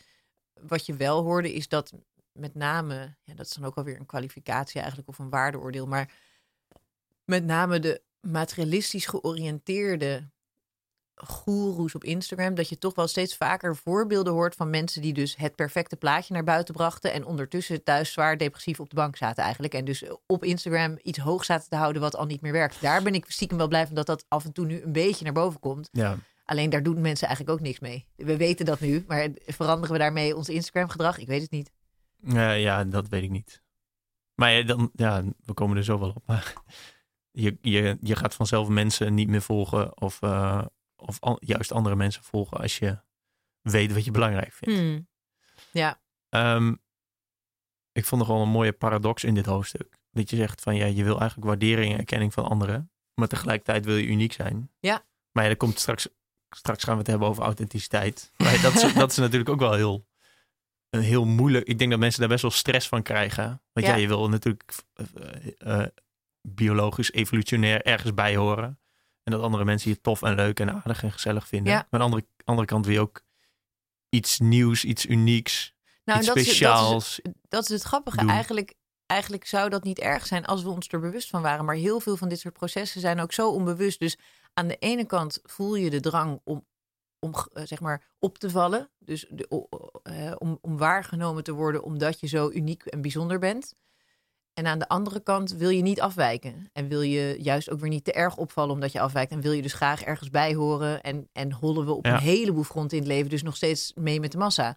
Het gekke is alleen dat beide zijn best wel onbewuste processen. En kunnen dus ook wel voor een heel onprettig gevoel voelen. Omdat ze ook tegelijkertijd optreden. Dus als je aan de ene kant inderdaad precies zoals jij net zegt... eh, uniek wil zijn en aan de andere kant toch wil conformeren omdat je overal bij wil horen. Ja. Ja, dat zijn twee hele tegenstrijdige drijfveren. En dat is lastig, zolang je dus niet bij jezelf af en toe weer, en dan kom je eigenlijk, hè, eh, kunnen we steeds op terugkomen. Daar kan je goed over nadenken door die existentiële vragen te stellen. Van, weet je, wie ben ik nou eigenlijk echt? Wat vind ik belangrijk in het leven? Als ik alles loslaat en ik ben hier nu, ben, ben ik gelovig of niet? Eh, en als je gelovig bent, dan lossen daarmee een paar di- dingen vanzelf op misschien. Eh, ik zelf ben niet gelovig. Dus dan gaat het denkproces verder. Van nou ja, als ik niet gelovig ben en ik ben hier toch. Weet je, wat is dan het nut? Heeft het enig nut? En als ik besluit dat het geen nut heeft, eh, hè, wil ik dan van het dak springen? Nou, liever niet. Eh, waarom dan eigenlijk niet? Nou, daar begint dan eh, de zoektocht naar wat doe ik hier dan vanaf dat moment, vanaf Ja. die realisatie. En als je daar meer over nadenkt, wordt het ook duidelijk waarom je wil conformeren en tot op welke hoogte je dat dan wil doen. En waarom je zo graag uniek wil zijn en tot op welke hoogte je dat dan graag wil. Dus ik denk dat het ook daar dan steeds weer terugkeert naar de vraag: denk eerst eens na over die grote vraag. Dan worden al die andere dingen makkelijker vanzelf. Ja, ik vind dat je, in, ik vind dat je het mooi beschrijft dat je, je zegt, we zijn eigenlijk van, wat eigenlijk een zegen is, is dat alles mogelijk is. En de, de vloek die eruit volgt, is dat mensen denken dat alles moet. Ja, Dus dat Ja, is eigenlijk en- een beetje hetzelfde, want al- alles is mogelijk betekent, nou, we zijn gelijkwaardig, maar alles moet betekent misschien dat mensen denken dat alles, dat iedereen gelijk moet zijn. Oh, Ja. ik moet dit ook, want Nou, heel, heel filosofisch gezien ehm, was het Jean-Paul Sartre al. Die zei van, weet je, pas als de mens zich eigenlijk helemaal gaat realiseren dat hij helemaal vrij is, dan komt ook meteen die terreur van dat vrij zijn. Want Ja. dat betekent dat het stuur echt in jouw eigen handen ligt en dat jij dus helemaal verantwoordelijk bent voor wat maak je er dan vanzelf voor. En dan heb je natuurlijk nog wel de rampspoed en de, en de tragedie van het leven, dus daar kunnen jouw dingen overkomen. Ehm, maar los daarvan is als, als je de totale vrijheid omarmt, dan om, omarm je dus ook de totale verantwoordelijkheid om er zelf iets van te maken. En op psychologisch niveau heb je daarom ook al, zeg maar in de westerse wereld, waarin dat zich naast vrijheid ook vertaald heeft in zoveel opties, is een van die heerlijke psychologische gegevens die dertigers ook enorm herkennen, ehm, is dat van de geanticipeerde spijt. Eh, want Ja. vroeger hè, had je keuzes en eh, er waren Spijt vooraf. ja, dus de spijt die je verwacht te zullen gaan ervaren als je de foute keuze maakt. Want, Ja. want vroeger had je keuze, nou, en soms koos je iets verkeerds, nou, daar had je dan achteraf spijt van. En tegenwoordig, omdat er een woud aan mogelijkheden is en de druk bij jou ligt om de ideale optie eruit te pakken, is de spijt die we verwachten te zullen gaan ervaren als we die foute optie gaan kiezen. Want jeetje, er zijn wel 99 fouten en er is natuurlijk maar één ideale optie, terwijl dat, dat is al niet waar. Die doet heel veel twintigers en dertigers in een soort passiviteit belanden. En het gekke is dat wetenschappelijk onderzoek juist ook weer heeft aangetoond dat het maken van een keuze altijd aantrekkelijker voelt. Hè? Ook al was het achteraf de foute keuze, voel je je nog lekkerder wanneer je de knoop hebt doorgehakt dan wanneer je in twijfel bent blijven hangen en niet hebt gekozen. Ja. Maar dat doen dus heel veel. Kijk, millennials beschrijven dat op verschillende manieren. Aan de ene kant die geanticipeerde spijt maakt hen besluiteloos. En dat is een heel erg rot gevoel. En waar die besluiteloosheid dan toe leidt, is ook in combinatie met een is dit alles, of eh, ik wil alles gevoel, dat mensen alles een beetje gaan doen. En alles een beetje half, omdat ze eigenlijk het idee hebben dat dat perfecte leven is het leven waar alles in zit. Mhm. En ja, kiezen willen we niet echt. Dan gaan we alles maar een beetje doen. En dat geeft mensen ook een heel onprettig gevoel. Want als je alles een beetje doet, dan blink je ook nergens in uit. Dus dat zijn eigenlijk twee factoren die samenspelen, waardoor dertiger, hè, millennials van nu ook zeggen van geef mij op dagelijkse basis gewoon een onprettig gevoel. Want ik committeer nergens aan. Dus ik Nee. doe alles een beetje. Ik ben doodsbang om te kiezen. Want stel dat ik fout kies. Ja, dat is natuurlijk niet een prettige gemoedstoestand. Maar is dat, is dat dan een doel, ergens in, in willen uitblinken? Onbewust. En het grappige is, als je echt heel bewust zegt van ik hou niet van kiezen. Want ik wil me liever niet eh, beperken. Of ik, wil, ik vind het lekker om veel dingen naast elkaar te doen. Dan moet dat ook weer kunnen. En dan zal je dat waarschijnlijk ook niet zo'n onprettig gevoel geven. Maar ook omdat zowel die geanticipeerde spijt als het niet willen kiezen. eh, ook best wel weer onbewuste processen zijn. Zitten mensen thuis op de bank te balen. En weten ze Mhm. eigenlijk niet zo goed waar ze van balen. Totdat ze erachter komen na wat gesprekken. Van, oh ja, nou, ik baal dus eigenlijk omdat ik gewoon besluiteloos ben. Ik, ik hak geen knopen door. En daar baal ik van. Komt die besluiteloosheid dan direct ook weer terug is, nadat je niet weet wie je bent? Ja, want naar mijn idee, dit is een van de duidelijkste voorbeelden daarin eigenlijk. Het grappige was dat ik heb aan dat tweede boek, wat dus helemaal gaat over die existentiële vragen, heb ik vijf jaar eh, research gepleegd. En, en research kan niet, want er is dus geen antwoord op die vraag. Maar ik dacht, als ik nou een boek maak waarin ik alles de revue laat passeren van waar je het kan zoeken. Dus van religie tot wetenschap tot filosofie. Ehm, en dan mensen eigenlijk ook inderdaad ook vooral in dat boek heb geprobeerd alleen maar vragen te stellen en geen antwoorden te geven. Eh, dan kan iedereen dat voor zichzelf bepalen. En een aantal mensen zeiden tijdens dat schrijfproces wel van mij van "Ah, je zal er wel knap depri van worden, weet je wel. Als je dan de hele tijd van, oh, maar ik weet niet. Het grappige is dat ik tot nu toe heb gemerkt van iedereen die dat eh, echt constructief doet en, en zichzelf gewoon dwingend wat langer dan vijf seconden confronteert met de hele ongemakkelijke vraag van joh, wat, wat heb het allemaal voor nut eigenlijk? Dat hij zelfs tot in de supermarkt aan toe makkelijker knopen gaat doorhakken uiteindelijk. Ja, want dat is volgens mij de, enige ehm, echte, echte tip die in je boek staat.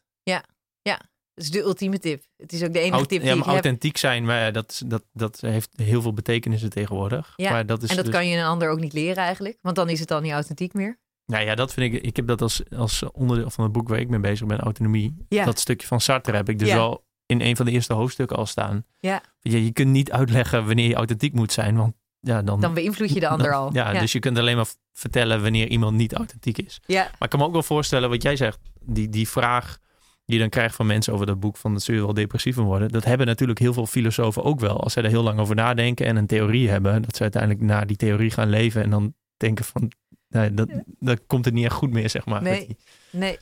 Nou, kijk, ik vond, het, ik vond dat oprecht wel spannend toen, ook tijdens het schrijven. En je hebt uh, altijd het, het Werther-effect, dus dat, uh, dat is Leiden der jonge Werthers, dat, dat na het lezen van dat boek er een soort zelfmoordgolf ooit is geweest in Duitsland. Nou, ik was destijds echt nog wel bezorgd. Ik dacht, jeetje, weet je wel, stel nou dat ik...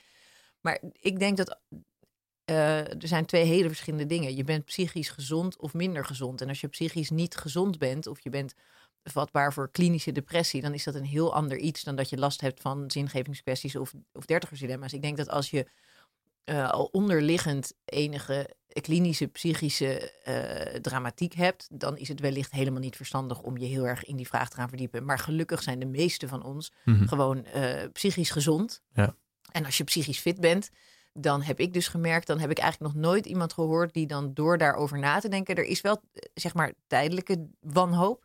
Dus je hebt wel mensen die daar net mee beginnen en die eigenlijk gewoon zich die vraag, die, die wandelen hier iedere dag op de aarde rond en hebben zich eigenlijk nog nooit afgevraagd van, jeetje, sterfelijkheid, wat betekent dat eigenlijk? Het besef van mijn eigen sterfelijkheid, wat betekent dat? Ja. Gewoon, dus dat verbaast mij eerder dat ik denk, we, we doen hier met z'n allen maar van alles, we kopen maar van alles, we, we, we leven er maar op los, we, we eten, we drinken, we slapen, we, we gaan op reis. En de enige vraag die er eigenlijk echt toe doet van wat is dit wonder dat het leven heet en dat ik hier ben en zo, daar, daar denken we niet over na daar snap ik ook wel van. Dat vind ik ook een, een prachtige theorie uh, die ik in mijn boeken wel laat, uh, naar voren laat komen. Maar waar ik ook echt mensen zou aanraden om over te lezen, is de terror management uh, theorie van Beckett. Ja. Die dus zegt van wij, omdat wij als mensen als enige soort eigenlijk besef hebben van ons, onze sterfelijkheid, is alles wat wij in de tussentijd doen, is eigenlijk onze aandacht afleiden van die ongemakkelijke, ellendige werkelijkheid. Ja. Dus wij willen, we willen er gewoon niet aan dat het ophoudt. Kijk, waarom leeft een hond zo relaxed en ligt die lekker voor de haard te tukken? Ja, die, die, die beleeft iedere dag als opnieuw en die hoeft niet te denken van, oh, het houdt ooit op.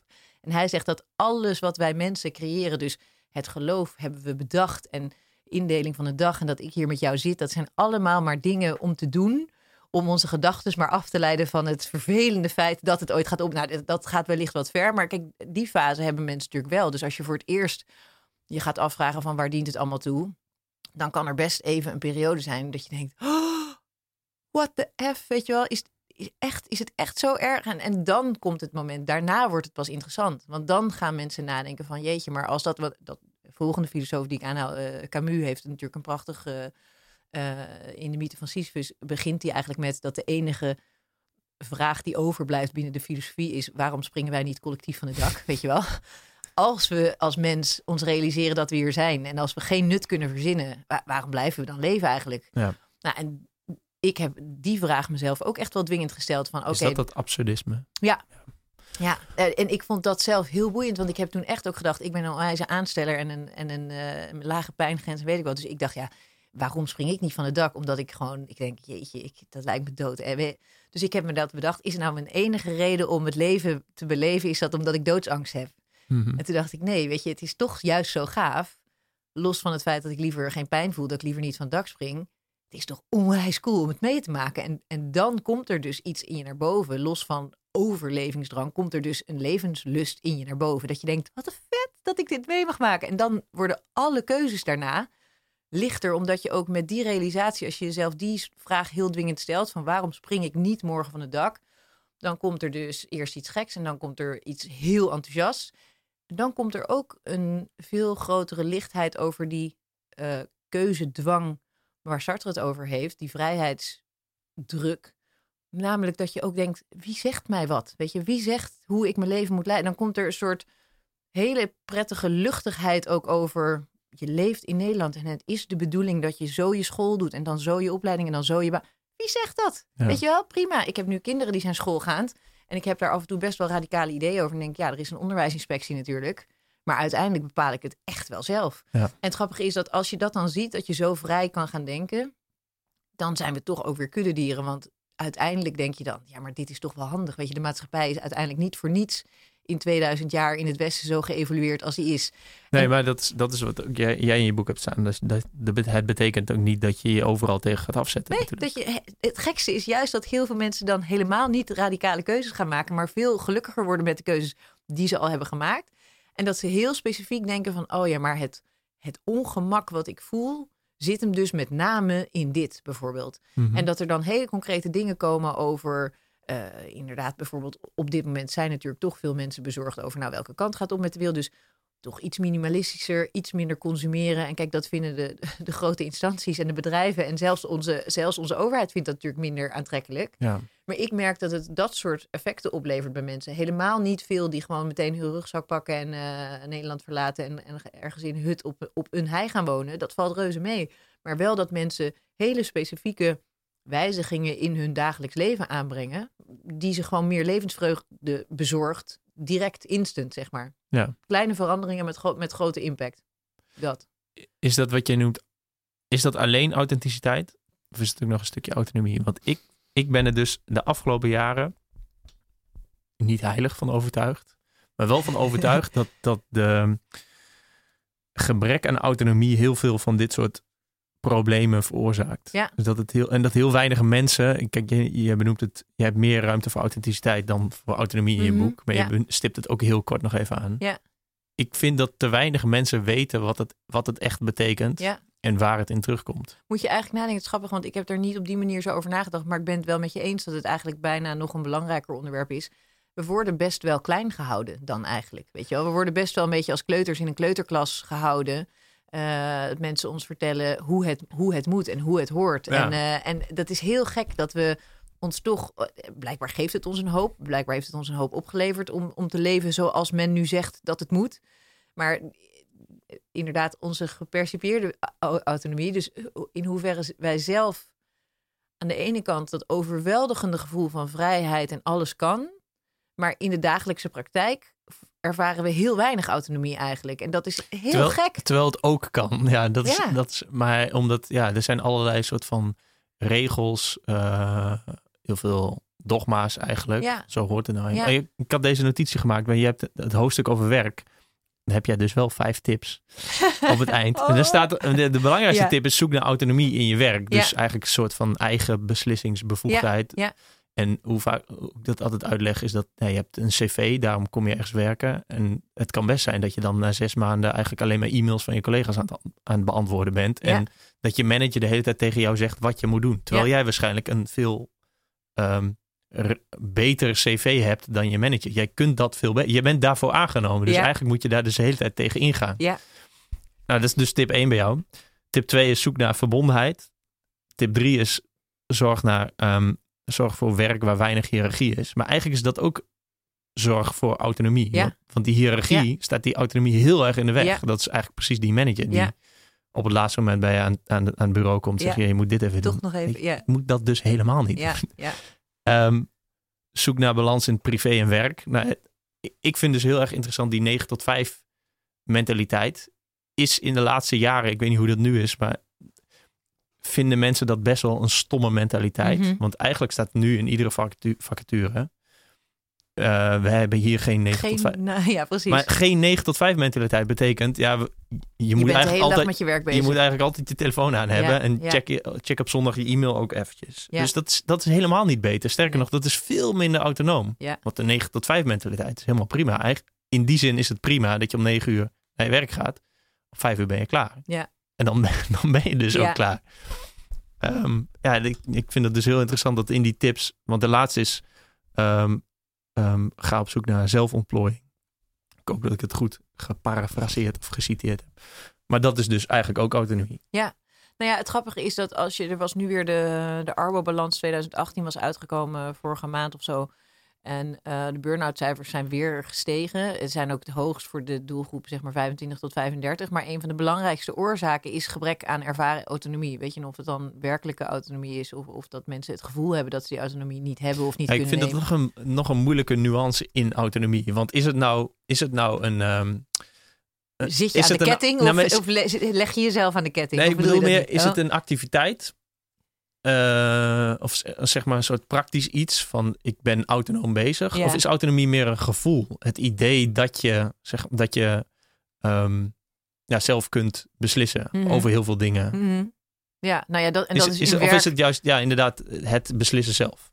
Ik denk dat het in werk inderdaad uh, heel vaak is. Ze hebben het gelukkig in die um, ook wel over ervaren autonomie. Dus in hoeverre ervaren mensen dat ze zelf regelmogelijkheden hebben en dergelijke. Ja. En dat ligt vaak niet eens helemaal gelijk aan de werkelijke regelmogelijkheden. Dit is echt hoe perciperen mensen dat. Aan de andere kant zit er natuurlijk ook in. Uh, dus ik denk dat het twee verschillende dingen zijn. Ik denk dat, dat er een mate bij zit van waarin zit jij in een, in een strak. Uh, strak schema. Dus in hoeverre heb je regelmogelijkheden überhaupt? Dat is mhm. een deel ervan.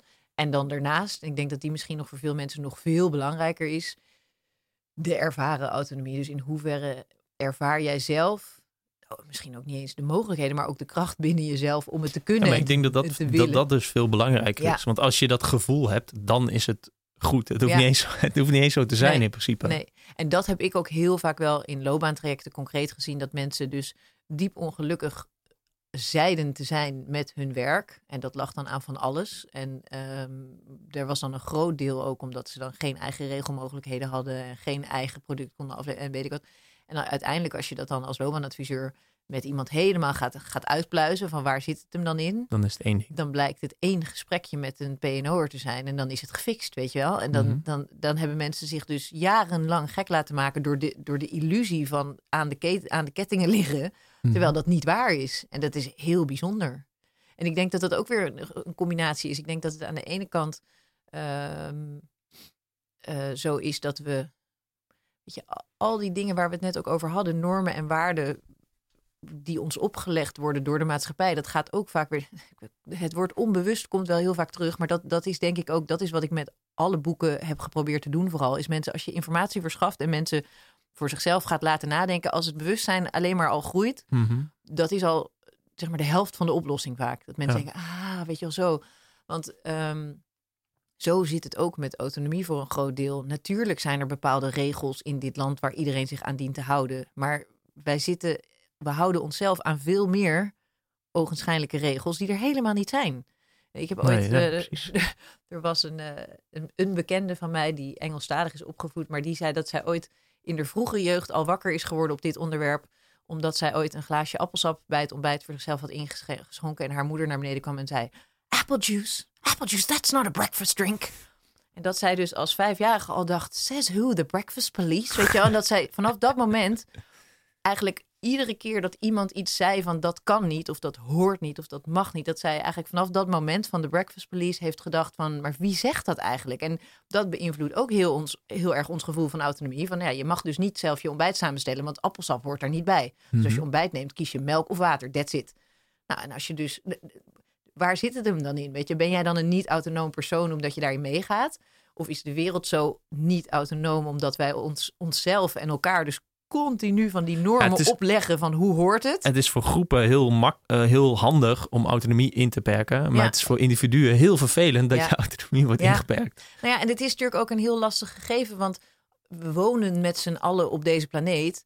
En als we ieder kind vanaf de jongste jeugd proberen niks eh, in te perken en helemaal vrij te laten, wordt natuurlijk een ongeorganiseerde bende. Dus er zijn redenen geweest waarom we ooit in een zeg maar georganiseerde, geciviliseerde samenleving van alles met elkaar zijn gaan afspreken. Want mhm. dat is handig. Want als ook in een schoolklas iedereen maar binnenloopt en de helft houdt zijn jas aan, want ja, aan de kapstok, ja, dat is zo autonoom. Nee, dan moeten we, nee, we moeten niet allemaal zeggen, jullie moeten allemaal je jas ophangen. Ja, weet je, dan, er zijn natuurlijk, en dat is ook zo boeiend over keuzestress ik, ik, ik, ben, ik weet de cijfers niet, misschien, misschien weet jij dat, maar ik geloof dat over hoeveel keuzes je per dag neemt, dat zijn er honderdduizenden of zo. Ja, precies. Ja. Split second choices die je gewoon de hele dag door moet maken. Dus wat dat betreft zijn normen en waarden ook aantrekkelijk, want het geeft ons ook richting. Het is ook prettig als je de hele dag bij alles wat je doet bewust moet nadenken. Doe ik dit wel of niet? Doe ik links of rechts? Doe ik ja, maar daar hebben wij toch een mooi systeem voor. Daar heeft die Kannerman toch een mooi boek over geschreven. Over dat, dat uh, hoe heet dat? Kahneman en Tversky, ja, de, de, de grote keuze, keuzemannen. Ja, dat systeem 1 en systeem 2, toch? Dat over dat je sommige beslissingen gewoon heel snel neemt. Maar als je er langer over nadenkt, dan, ja, dan, is het, dan vind ik dat er veel, veel behoefte is aan in ieder geval meer kennis over autonomie. Dan zo wil ik zeker, dat boek van mij ook insteken. Ja. Dus gewoon eigenlijk meer over vertellen. Uh, ja, dan moeten mensen zelf maar even erachter komen hoe het zit. Ja. Maar, maar ik wilde ook hebben over authenticiteit. Want je zegt, authenticiteit is eigenlijk een kompas.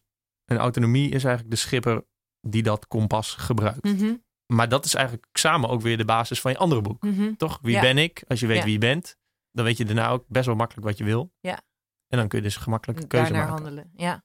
Nou, het grappige is dat ehm, toen dat eerste boek er was en het voor de doelgroep zelf zo herkenbaar en leuk en daardoor gelukkig ook door die, wat ik net al zei, door die herkenning wordt er ook al een hoop opgelost. Want ten eerste denk dan, er waren in, in de tijd dat ik ermee begon echt mensen die dachten dat ze stilletjes thuis op de bank gek aan het worden waren. Weet je, van Ja. ik ben klinisch depri of zo. Of ik heb een, ik heb een midlife crisis op mijn dertigste. Dus het was voor, voor die doelgroep toen echt al wel heel prettig om te Ah, oké, dus omdat we nu in deze maatschappij tussen de 25 en de 35 grote keuzes vergelijken. Oh ja, dus dat was al de- deels één.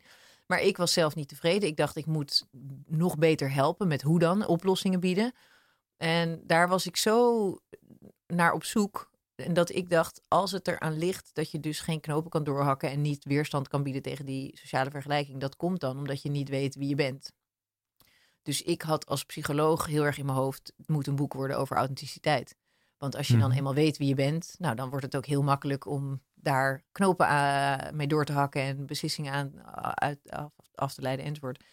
En het grappige was dat ik in die tijd ook, net als nu nog steeds, eh, lezingen gaf. En dat ik een keer samen met Rob Wijnberg op het podium stond. En dat we samen een lezing deden. En dat ik na afloop iets vertelde over, nou, ik ben nu een boek aan het schrijven over authenticiteit. En dat ik echt heel hard werd uitgelachen, want hij is filosoof eh, van huis uit natuurlijk. En dat Mhm. hij tegen mij toen het zaadje heeft geplant. Hij zei, Nienke, authenticiteit bestaat niet. Het bestaat niet. Nee, nee, ware authenticiteit, bestaat. Authenticiteit is een non-begrip. En dat ik daar heel erg recalcitrant van werd in het begin. En dat ik dacht, ja, oké, maar dat is filosofisch gewauw. En dat is een semantische kwestie van, bestaat het wel, bestaat het niet? Dan kun je het bereiken. Maar hoe meer ik erover ging lezen, kwamen er eigenlijk twee dingen naar boven. Ten eerste wat we net kort bespraken, dat als je het inderdaad letterlijk neemt, als authentiek zijn, echt jezelf zijn betekent, dan kun je niemand daar ooit een tip over geven. Want zodra iemand dan, maar dan- meer zichzelf wil worden door een tip, is het dan niet meer door Ja, zichzelf. maar dan kun, je, dan kun je überhaupt niet leven. Met, Dan kun je niet interacties hebben met andere mensen. Nee, als je naar ware authenticiteit streeft, dan moet je onder een stolp gaan Maar zitten. dat is met en, eh, autonomie ja, net zo. precies, dus dat, dus dat was de semantische kwestie. En toen dacht ik, nou ja, maar als we dan gewoon meer de, de hedendaagse betekenis van het begrip. En dan ging ik het maar houden bij, weet je, als je een kunstvoorwerp hebt en je hebt het over is het authentiek of niet, dan is het, is het echt of is het nagemaakt. En het grappige is dat als we niet al te streng zijn, dan vinden we vaak dat we best snel kunnen voelen van is iemand authentiek of niet? Is iemand Mhm. zichzelf of niet? Nou, dan komen de filosofen weer van ja, je bent ook al, je bent altijd jezelf. Ook al vertoon je op een bepaalde dag eh, gedrag wat daar niet congruent mee is. Je bent die, ook die dag ben je toch gewoon Nienke. Ja, vandaag Altijd- ja, je bent altijd nou, enzovoort. Maar wat ik dus bedoelde, ik dacht nee, maar dus je wil je, wil je gedragen zoals dat het prettigst voelt bij wie jij in je diepste wezen bent. Weet je, nou wordt het al heel zweverig. Maar hoe meer ik daar toen naar ging kijken, hoe meer ik toch steeds erachter kwam dat dat allemaal dan samenhing met hoe jij als individu ziet of vindt waarom je hier bent. Dus zo, omdat ik dus, ik wilde een boek maken over authenticiteit. Mhm. Door die opmerkingen van Rob destijds ben ik gaan uitpluizen van, oké, als ik mensen dus niet echt, echt authentiek kan laten zijn, wat bedoel ik dan eigenlijk? Met als ik, als ik wil dat mensen prettiger door het leven kunnen navigeren en makkelijker keuzes kunnen maken, maar vooral, want mijn, mijn ik heb ook inmiddels een hele erge haatliefde, nou trouwens niet eens een haatliefde verhouding, ik heb een hekel gekregen aan het woord geluk of gelukkig zijn. Dus ik, ik gebruik ook eigenlijk altijd streven naar een positieve gemoedstoestand. Mhm. Ehm, hè, en liever geen pijn dan wel pijn. En liever gewoon tevreden dan ontevreden. Dus wat ik dacht is, wat ik eigenlijk wil, is mensen ondersteunen in het ehm, bereiken van een meer positieve gemoedstoestand. En ik denk dat er keuzes zijn die je kunt maken die zorgen voor een betere gemoedstoestand. En dat er heel veel maatschappelijk opgelegde en gedwongen en beïnvloede keuzes zijn die juist leiden tot een mindere gemoedstoestand. En ik dacht toen uiteindelijk, weet je, als je dan weer terugkomt op dat innerlijke kompas en, en de stuurman, zeg maar. Ik denk dat eh, jouw boek zeker goed en belangrijk en heel nuttig is. Want die autonomie is, is eh, een, een belangrijke tweede stap. Als je het eenmaal weet, nou handel er dan nog maar eens naar. Mhm. En durf dat dan maar eens. Maar het weten dus wat je wil en het weten waarom je het doet, dat werd toen uiteindelijk eigenlijk mijn grootste drijfveer om dus een boek te schrijven. Om mensen te inspireren en te prikkelen. Niks aan te dragen, maar alleen maar uitdagen voor zichzelf te bedenken: wat, wat wil ik, wat vind ik eigenlijk? Wat, wat vind ik van dit leven? Wat is het nut? Waar ga ik het voor doen? Dus eigenlijk zelf weer hele diep gewortelde overtuigingen naar boven brengen bij mensen. En bij mezelf is dat dus in een proces van vijf jaar in die zin heel goed gelukt dat ik nog steeds het antwoord niet weet. Ik heb geen idee. En als ik het zou moeten samenvatten, ben ik een nihilistische, absurdistische, existentialistische humanist. Die vier, die passen mij het best.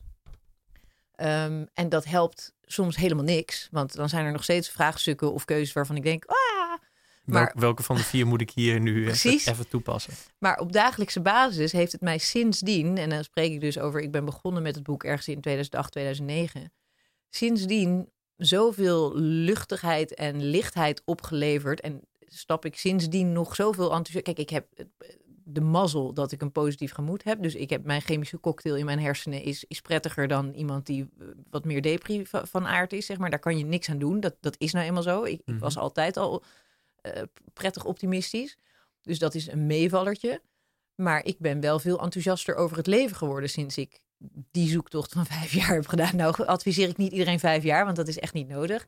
Ehm, maar ik denk dus wel dat het jezelf dwingen, dwingend stellen van die vraag uh, je levensvreugde alleen maar kan vergroten. En dat, dat authenticiteit daar uiteindelijk wel uit volgt. Dat als je eenmaal goed hebt nagedacht over die existentiële vraag, dan voel je ook beter wie je bent in deze wereld. En ik, ik ben dus niet zo streng als de filosoof, want ik denk het heeft geen zin om daar echt een semantische kwestie van te maken. Van ja, het bestaat niet. We voelen toch met z'n allen wat we ermee bedoelen. Mhm. Als we gewoon in de, in, in de Nederlandse vorm van het woord bedoelen van ben jij echt of ben je niet echt. Nou, ik ben ook wel eens niet echt, omdat me dat in die situatie gewoon verdomd goed uitkomt om even niet echt te zijn. Maar daar kies ik dan veel bewuster voor. En, en je voelt je dan vervolgens... als je dan vertelt dat je niet echt bent geweest, dan ben je dan wel weer echt, toch? Ja, precies, precies. Maar ik vraag me nu af, ik zit aan een voorbeeld te denken. Maar ik doe dat dan waarschijnlijk toch in situaties waarin ik dat later helemaal niet ga, ga onthullen. Maar dat het gewoon heel nuttig even uitkomt ja. op zo'n moment. Ja. Um, daar heb je ook wel tips voor, toch? Wat, mensen moeten lezen. Oh ja. Waarmee ze, waarmee ze moeten beginnen. Ja, nou ja, en dat hangt er echt wel een beetje vanaf. Kijk, wat ik, wat ik vond Um, toen ik na dat eerste gesprek uh, me daarin ging verdiepen, werd ik ook eigenlijk wel een beetje, nou ja, laten we maar gewoon simpele taal hanteren, omdat ik dat ook juist. Ik werd een beetje boos op filosofen in het algemeen, omdat ik dacht, het lijkt wel alsof ze echt hun best doen om het zo ingewikkeld mogelijk te verwoorden, zodat ze lekker met z'n allen in hun ivoren toren kunnen blijven zitten en kunnen lachen om ons, de gewone domme stervelingen die het niet snappen, weet je wel. Ja, ik denk dat het maar ik denk ook wel dat als je er zo druk mee bezig bent, dat je, dat je een beetje een soort van aansluiting met een andere wereld verliest. Nou, en dat was het volgende. Als je dan bijvoorbeeld gaat uh, nadenken echt over zo'n concept als authenticiteit. En als je daar echt tot de bodem wil gaan, dan merk je al snel dat je op een gegeven moment heb je niet eens meer woorden om het in te vatten. Want het is, dan, dan voert het op een gegeven moment zo diep. Dus hoewel ik erin ging met, jemig, weet je wel, moet het zo ingewikkeld ben ik me later wel gaan realiseren dat sommige concepten binnen de filosofie nu eenmaal zo ingewikkeld zijn dat ze zich, zoals sommige filosofen zelf dan eh, dat benoemen, zich aan de grenzen van onze taal eigenlijk bevinden. Dat het eigenlijk bijna sommige concepten niet in woorden te vangen zijn. Mhm. En ehm, dat ik vind dat er goede boeken zijn uh, op een toegankelijk niveau. Maar dat er bijvoorbeeld ook een van mijn favoriete boeken destijds was Mijn Biecht van Tolstoy. En Tolstoy is natuurlijk bekend om zijn mega dikke pillen, zijn romans. Maar die heeft ook een aantal uh, non-fictiewerken gemaakt. En Mijn Biecht is een verhaal over zijn eigen existentiële crisis. En hij is natuurlijk opgegroeid in een hele gelovige omgeving en in een hele andere tijd, waar, waarin dat ook echt een gegeven was. En hij beschrijft op een zo pijnlijke grijpt je naar de strot wijze zijn eigen existentiële crisis. Dat hij schrijft, op een gegeven moment was hij al gevierd schrijver en hij had alles wat zijn hartje begeerde. En steeds vaker had hij gewoon totale doodsangst. En hij begreep niet waar het vandaan kwam. Hij, hij voelde zich als iemand die ronddwaalde in het bos en de uitgang niet kon vinden. En hij dacht van, waar heb ik last van? Alsof hij echt fysiek ziek was. Mhm. Totdat hij zich realiseerde dat het dus zijn existentiële kwestie was. Dat hij zei van, ja, ik leef nu, maar ik leef er maar op los. En ik laat me leiden door roem en faam en een grote schrijver willen zijn. En ik heb allerlei tragedieën in mijn leven meegemaakt. En ik vraag me eigenlijk vooral af, waar doe ik het voor? En hij zag toen om zich heen dat de mensen die op zijn land werkten... dus hij, hij zei, de boeren die achter de ploeg lopen op mijn land... die zijn happy. En waarom zijn die happy? Omdat hij zich met aardse vraagstukken... Dus hij wilde eigenlijk drie treden terug in de Maslow-pyramide. Want hij zat in dat puntje. Hij had alles en, en nog steeds niet gelukkig. En hij dacht toen een tijd lang van nou, ik ga het gewoon zoeken door onder in die piramide weer in te stappen en gewoon bezig te zijn met aardse problematiek en weet ik wat. Nou, uiteindelijk heeft hij toch, toch ook wel weer enigszins een oplossing gezocht in het geloof. Maar waarom haal ik dit boek aan? Omdat enerzijds kun je dus ingewikkelde filosofische werken lezen. En soms zijn die toegankelijker dan, dan, dan andere keren. Maar bijvoorbeeld zo'n zo'n werk van Tolstoy van toen dat laat gewoon op een heel persoonlijk niveau zien van hoe voelt een existentiële crisis. En ik vond dat zo herkenbaar dat ik dacht, dus, dus mijn biecht is, een, is van mijn aanrader de mythe van Sisyphus van, van uh, Camus is een aanrader. Die kunnen we samenvatten in uh, drie zinnen, toch? nou ja, inderdaad. Uh, als we hier zijn, waarom, waarom plegen we niet collectief met z'n allen zelfmoord? En dan uiteindelijk dat hij dus vindt de mythe van Sisyphus, die dus steeds dat, die steen de heuvel op moet rollen, dat hij zegt, hij vindt echt de nobelste mens, echt de ware absurdistische held is de persoon die zich in totaal besef van de absurditeit van het zinloze bestaan toch toe blijft leggen op het vervullen van zijn ja, maar taken. Dat, dat vind ik zo mooi. Eigenlijk als je het besef hebt dat, dat zo'n beetje alles wat nee, misschien wel alles wat je doet echt heel raar is. Ja. En het toch, en toch blijft doen en daar een positieve gemoedstoestand van door krijgt. Ja. dan, dan is het top. Ja. Maar dat, dat is niet per se Camus de absurdistische held, ja. Maar ja, dat, ja de, de mythe gaat dus over iemand die echt een hele zware steen een berg oprolt. En als hij op de top van de berg is, rolt hij weer naar de andere kant. En dan doet hij, gaat hij weer. Ja, ja dat is wel echt dus een heel mooie metafoor. nutteloos uh, werk. En hij is veroordeeld tot, tot dat, uh, uh, ertoe om dat tot in de eindigheid te, te, blijven doen. Dus iedere keer die steen omhoog. Zijn, zijn doel is, zijn opgelegde plicht is, die, die steen moet omhoog. En precies wat je zegt, iedere keer rolt hij weer omlaag. En, en Camus een held is dus Sisyphus, die dat, terwijl die de, nutteloosheid ervan natuurlijk ervan afspat, toch met enthousiasme en overgave op zijn taak blijft toeleggen. Ja, ik, vond dat in het begin heel lastig, maar het is, daar, daar zijn ook weer zoveel dingen uit. Dat vind ik echt ook wel het, het hele mooie aan filosofie en vooral aan de grote filosofische schrijvers, dat ze juist soms door metaforen te gebruiken of door een heel persoonlijke schets te doen, dat je er zoveel in herkent en dat dan ik ben dus niet fan van diegenen die dan een oplossing aandragen. Ehm, want naar mijn idee is er dus geen antwoord op die vraag. Mhm. Ik ben heel groot fan van die schrijvers die dan dus door hun weergave van een voorbeeld of een iets jezelf heel erg aanzetten tot denken en dan je prikkelen, waardoor je zelf tot een eigen klein aha-momentje komt. En het grappige is, alles wat je dan ooit bedenkt en denkt dat het helemaal uniek is, als je dan vijf, vijf weken verder bent met lezen, dan kom je precies jouw eigen gedachtenspinsel in iemand anders de tekst al tegen. Dus dan denk je, ah, verrek, weer niet uniek, weer niet, weer niet origineel. Maar dat is juist wat leuk. Dus ik vond het heerlijk. Ik heb me vijf jaar lang helemaal ondergedompeld in al die filosofische werken en echt alle stromingen naast elkaar gelegd.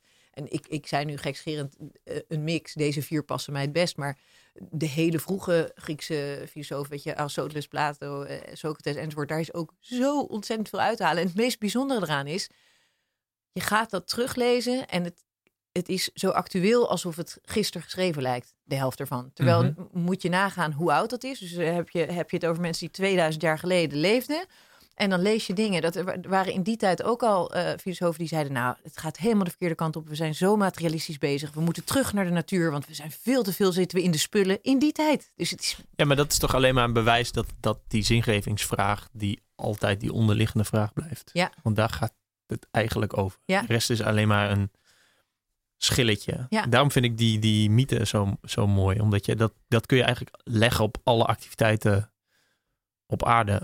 Ja, gewoon echt alles. Alles wat mensen doen, waar mensen naartoe fietsen, voetbalwedstrijden. Ja, het, eigenlijk slaat het allemaal nee, En het grappige is dus precies, jij, jij schetst het nu ook zo. Um, en, en de misvatting is dus dat dat depri maakt, dat besef. En, en ik durf dus echt, net zoals jij al zei net, hè, stelligheid is, is niet echt een heel mooie eigenschap. En, en iets zeker weten is natuurlijk onzinnig, want ik, ik weet ook, het enige wat ik zeker weet is dat ik niks zeker weet. Maar um, ik weet uit, uit eigen ervaring, maar inmiddels ook met iedereen met wie ik gewerkt heb, dat als je dat doet uh, en, en dit denkproces ingaat, dat dat dus alleen maar enthousiaster maakt en meer gemotiveerd en, en ook meer verwondering en enthousiasme over het leven. Dus dat het grappig is, want als je het zo beschrijft, dan denk je, jeetje, maar als je die mythe, als je dat dus inspirerend vindt, het is toch dodelijk, ellendig, weet je, hoe kan dat inspirerend zijn? En dat is het dus. Dus ik vind het grappig dat jij dat ook zo ervaart. Dat, dat, uh, dat ah, ja, niet al heel lang of zo, maar... ja, maar dat is, ja, omdat gewoon iedereen is er gewoon iets, vaak iets kneuterigs aan het doen. En het, het, het, het, mooie vind ik ook heel vaak... Ehm, hoe serieus mensen um, met iets bezig zijn. Mhm. Wat eigenlijk ja, in mijn optiek of in heel veel andere mensen hun optiek helemaal niet zo serieus is. Dus eigenlijk is alles, iedereen is zo'n steen omhoog aan het rollen en weer. En neemt zichzelf daar heel serieus in. Ja, ja dat, is, dat is mooi en ik kan er ook wel uh, uh, van genieten. Dus ik- ja, ik denk dat het een beetje zelfspot Nou ja, waar, dan waar weer ik, bij hoort. kijk, waar ik het ook in dat, met name in dat tweede boek, maar tegenwoordig ook steeds vaker wel in lezingen over heb. Wat wel echt belangrijk is om ons te beseffen in de westerse maatschappij. We, we worden overvoerd met het idee dat we dus helemaal vrij zijn. En voor de mensen in Nederland die niet gelovig zijn, die hebben ook het idee dat ze ook in hun gedachten echt vrij zijn. En dat er geen religie hier is, geen heersende religie. Maar het rare is dat wat wij ons helemaal niet beseffen, is dat in de westerse maatschappij zijn de nieuwe religies natuurlijk geworden. Het materialisme, het consumentisme, het individualisme, maar ook zeker vanuit de filosofie het pragmatisme. Kijk, de filosofie heeft eh, anderhalve eeuw gezocht naar de antwoord op de vraag naar de zin van het leven. Nou, die hebben ze niet gevonden. Dus uiteindelijk nu, wat is nu in zwang in de filosofie, is het pragmatisme. En pragmatisme, kort samengevat, is we weten het niet, we zullen er nooit achter komen. Dus laten we doen wat werkt. Laten we in godsnaam niet te ingewikkeld doen. We doen gewoon wat werkt. Mhm. Nou, onze, onze regering op dit moment is ook heerlijk pragmatisch en consumentistisch en materialistisch en individualistisch. En ongemerkt zit dat in alle aspecten van ons Nederlandse leven. Dat is niet erg, want ik zeg niet dat het een slecht recept is. Alleen ik denk wel dat we hebben hier zoveel miljoen mensen. En niet voor iedereen is het receptje van materialisme, consumentisme, individualisme en pragmatisme het ideale recept voor een positieve gemoedstoestand. En als wij ons dus niet lekker voelen, dan zit dat voor best wel een groot deel soms in een van die vier opgelegde religies. En juist omdat we ons er niet bewust van zijn, maar we wel leven in een land waar we handelen naar die impliciete, maar toch wel redelijk opgelegde religies, ehm, weten we niet waar we de verandering moeten zoeken. En is dus o- zeg maar authentiek zijn in een land wat echt al best wel een heftige identiteit heeft en met zich meebrengt en uitdraagt, is best wel lastig. Want je weet helemaal niet dat dat is waar je last van hebt. Terwijl als mensen eenmaal dus door die zingevingsvraag te stellen erachter komen dat zij veel meer een absurdist en, en een antimaterialist zijn bijvoorbeeld, dan denk je, hé, hey, weet je, het, het bevalt mij dus niet om hier alles te doen, maar Ja. hoe, men, hoe men het doet. Het besef is dus heel vaak dus, oh ja, hierdoor komt het dat ik dit niet tof vind, Ja, dat wel ja, tof vind, ja. dat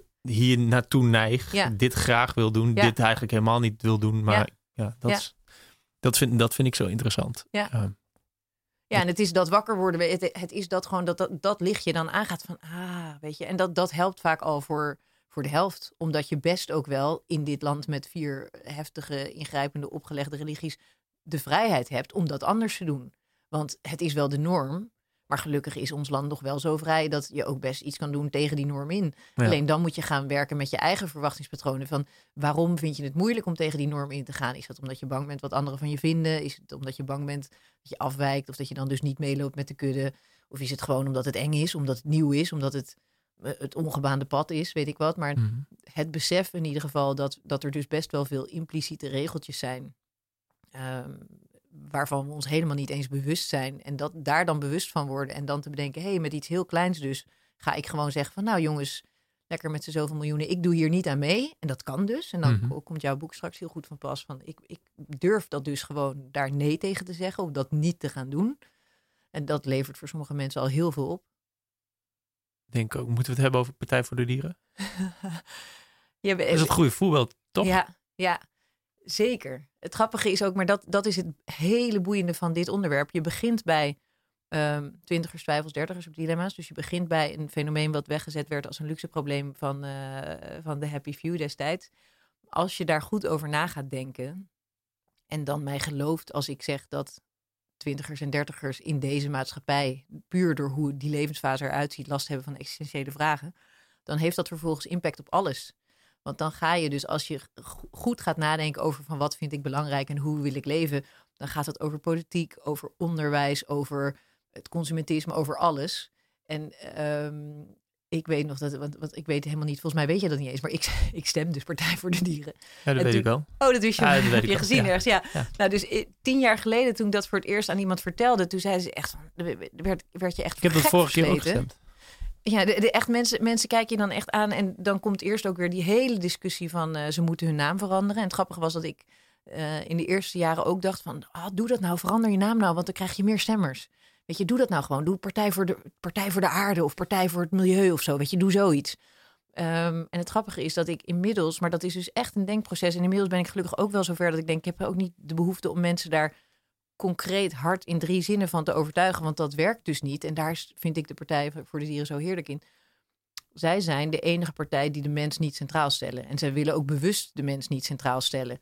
En ik ben inmiddels zover dat mijn redenatie dus is: de enige partij die de mens niet centraal stelt, geeft Dat mij daarmee laatst, juist ja. het vertrouwen Dat, dat iedere beslissing die zij nemen op uiteindelijk de beste beslissing voor ieder mens is. Mhm. En, ehm, maar het is de vraag inderdaad of we daar nu te diep op in moeten gaan. Want er zijn mensen die daar zo... zo daar, daar, ik heb op weinig dingen zoveel commentaar gekregen in mijn leven. En tien jaar geleden zei ik het ook gewoon niet hardop. Van ik stem daarop. Oh, stem niet te, want ik heb de afgelopen Tweede Kamerverkiezingen ook daarop gestemd. Ja, Maar heb jij de vorige keer daar ook op gestemd? tien, Die jaar, keer daarvoor? tien jaar al stem ik erop, ja. Oh, dus je hebt nu drie keer Tweede Kamerverkiezingen op Partij voor de Dieren gestemd. Ja, dus eh, sinds ik terug ben in Nederland, want ik heb tot 2010 in eh, Amerika gewoond. Dus sinds, sinds 2010 heb ik alle verkiezingen die er waren en waar het mogelijk was. Ik heb ook nog wel eens volgens mij een verkiezing meegemaakt waar ik dan in mijn gemeente, omdat het iets lokaals was, kon ik nog niet op de Partij Oh ja. voor de Dieren stemmen. Maar alle verkiezingen waar het mee. En, en het is voor mij namelijk ook echt een hele andere partij dan per se eh, een groene partij of, de, of GroenLinks. Ehm, dus mijn uitkomst van mijn persoonlijke denkproces over de zin voor het leven heeft gemaakt dat ik nooit meer anders zal kunnen dan stemmen voor de Partij voor de Dieren. Maar dat is eigenlijk voert een- het te ver om daarover na om, om daarover over uit te wijden. Omdat ik namelijk het ook heel belangrijk vind om niemand anders daarmee te beïnvloeden. Want hè, ik wil natuurlijk i- niemand ieder authenticiteit in de weg staan. Dus alsjeblieft, ga dat niet voor mij doen. Maar het is wel een, in het denkproces is het lezen van een goed stuk over de keuze van de naam van de Partij voor de Dieren. Is ook weer zo'n stuk tekst wat je echt wakker maakt. Weet je, dat je echt denkt van, oh ja. Ja, het heeft mij dus nog niet wakker gemaakt. Ik, Ah, ik zit nog goed. steeds en ik heb, ken ook al die, eh, die, die argumenten om die naam niet te veranderen. Mm. Ik vind het nog steeds stom. Ik vind, eh, ik vind die partij top trouwens. Ik vind het ook stom dat ze heel veel nieuws ehm, posten over die ontsnapte koe van, die, eh, van, die, Ja. van het slachthuis. Ja, snap ik ook. Dat, dat, ik denk dan steeds van, met, dat vind ik niet authentiek. Weet dat je wat past zo- niet goed bij de partij, vind ik. Want ik vind het... Nee. Ik heb, Weet je, weet je wat ik, wat ik wel, als je dus eenmaal heel goed na gaat denken over zingevingsvraagstukken. En met niet meer, meer dan zingevingsvraagstukken, nog existentiële vraagstukken. Dus waarom zijn we hier? Wat is het nut van het menselijk bestaan op deze planeet? Dan ga je anders naar de politiek kijken. En wat dan het meest tegenvalt, vind ik, is dat je van geen enkele politicus bijna meer, en zeker niet van geen, en- zeker van geen enkele politieke partij meer, eh, idealen echt kunt verwachten Nee, en ze erop ook. vast kunt pinnen. Want het is allemaal pragmatisch, het is allemaal polderen. Dus het is allemaal veel roepen. En uiteindelijk, wanneer het op besturen aankomt, doet iedereen water bij de wijn.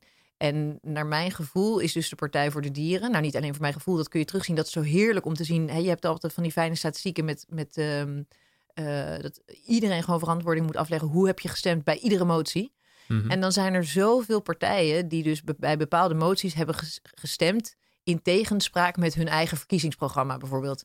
En de Partij voor de Dieren is de enige partij waar je dus kunt zien en of als je er niet als, als het jouw ding niet is, moet je er ook zeker niet op stemmen. Maar ik vind het prettige dat ik mijn geloof in de politiek volledig verloren had, omdat niemand meer aan zijn woord te houden was eigenlijk. En daar werd ik zo ziek van, dat ik dacht, ik wil gewoon echtheid. Hè? Dus Ja, authenticiteit. Maar Ja. ja. Partij voor de Dieren is verreweg de meest authentieke.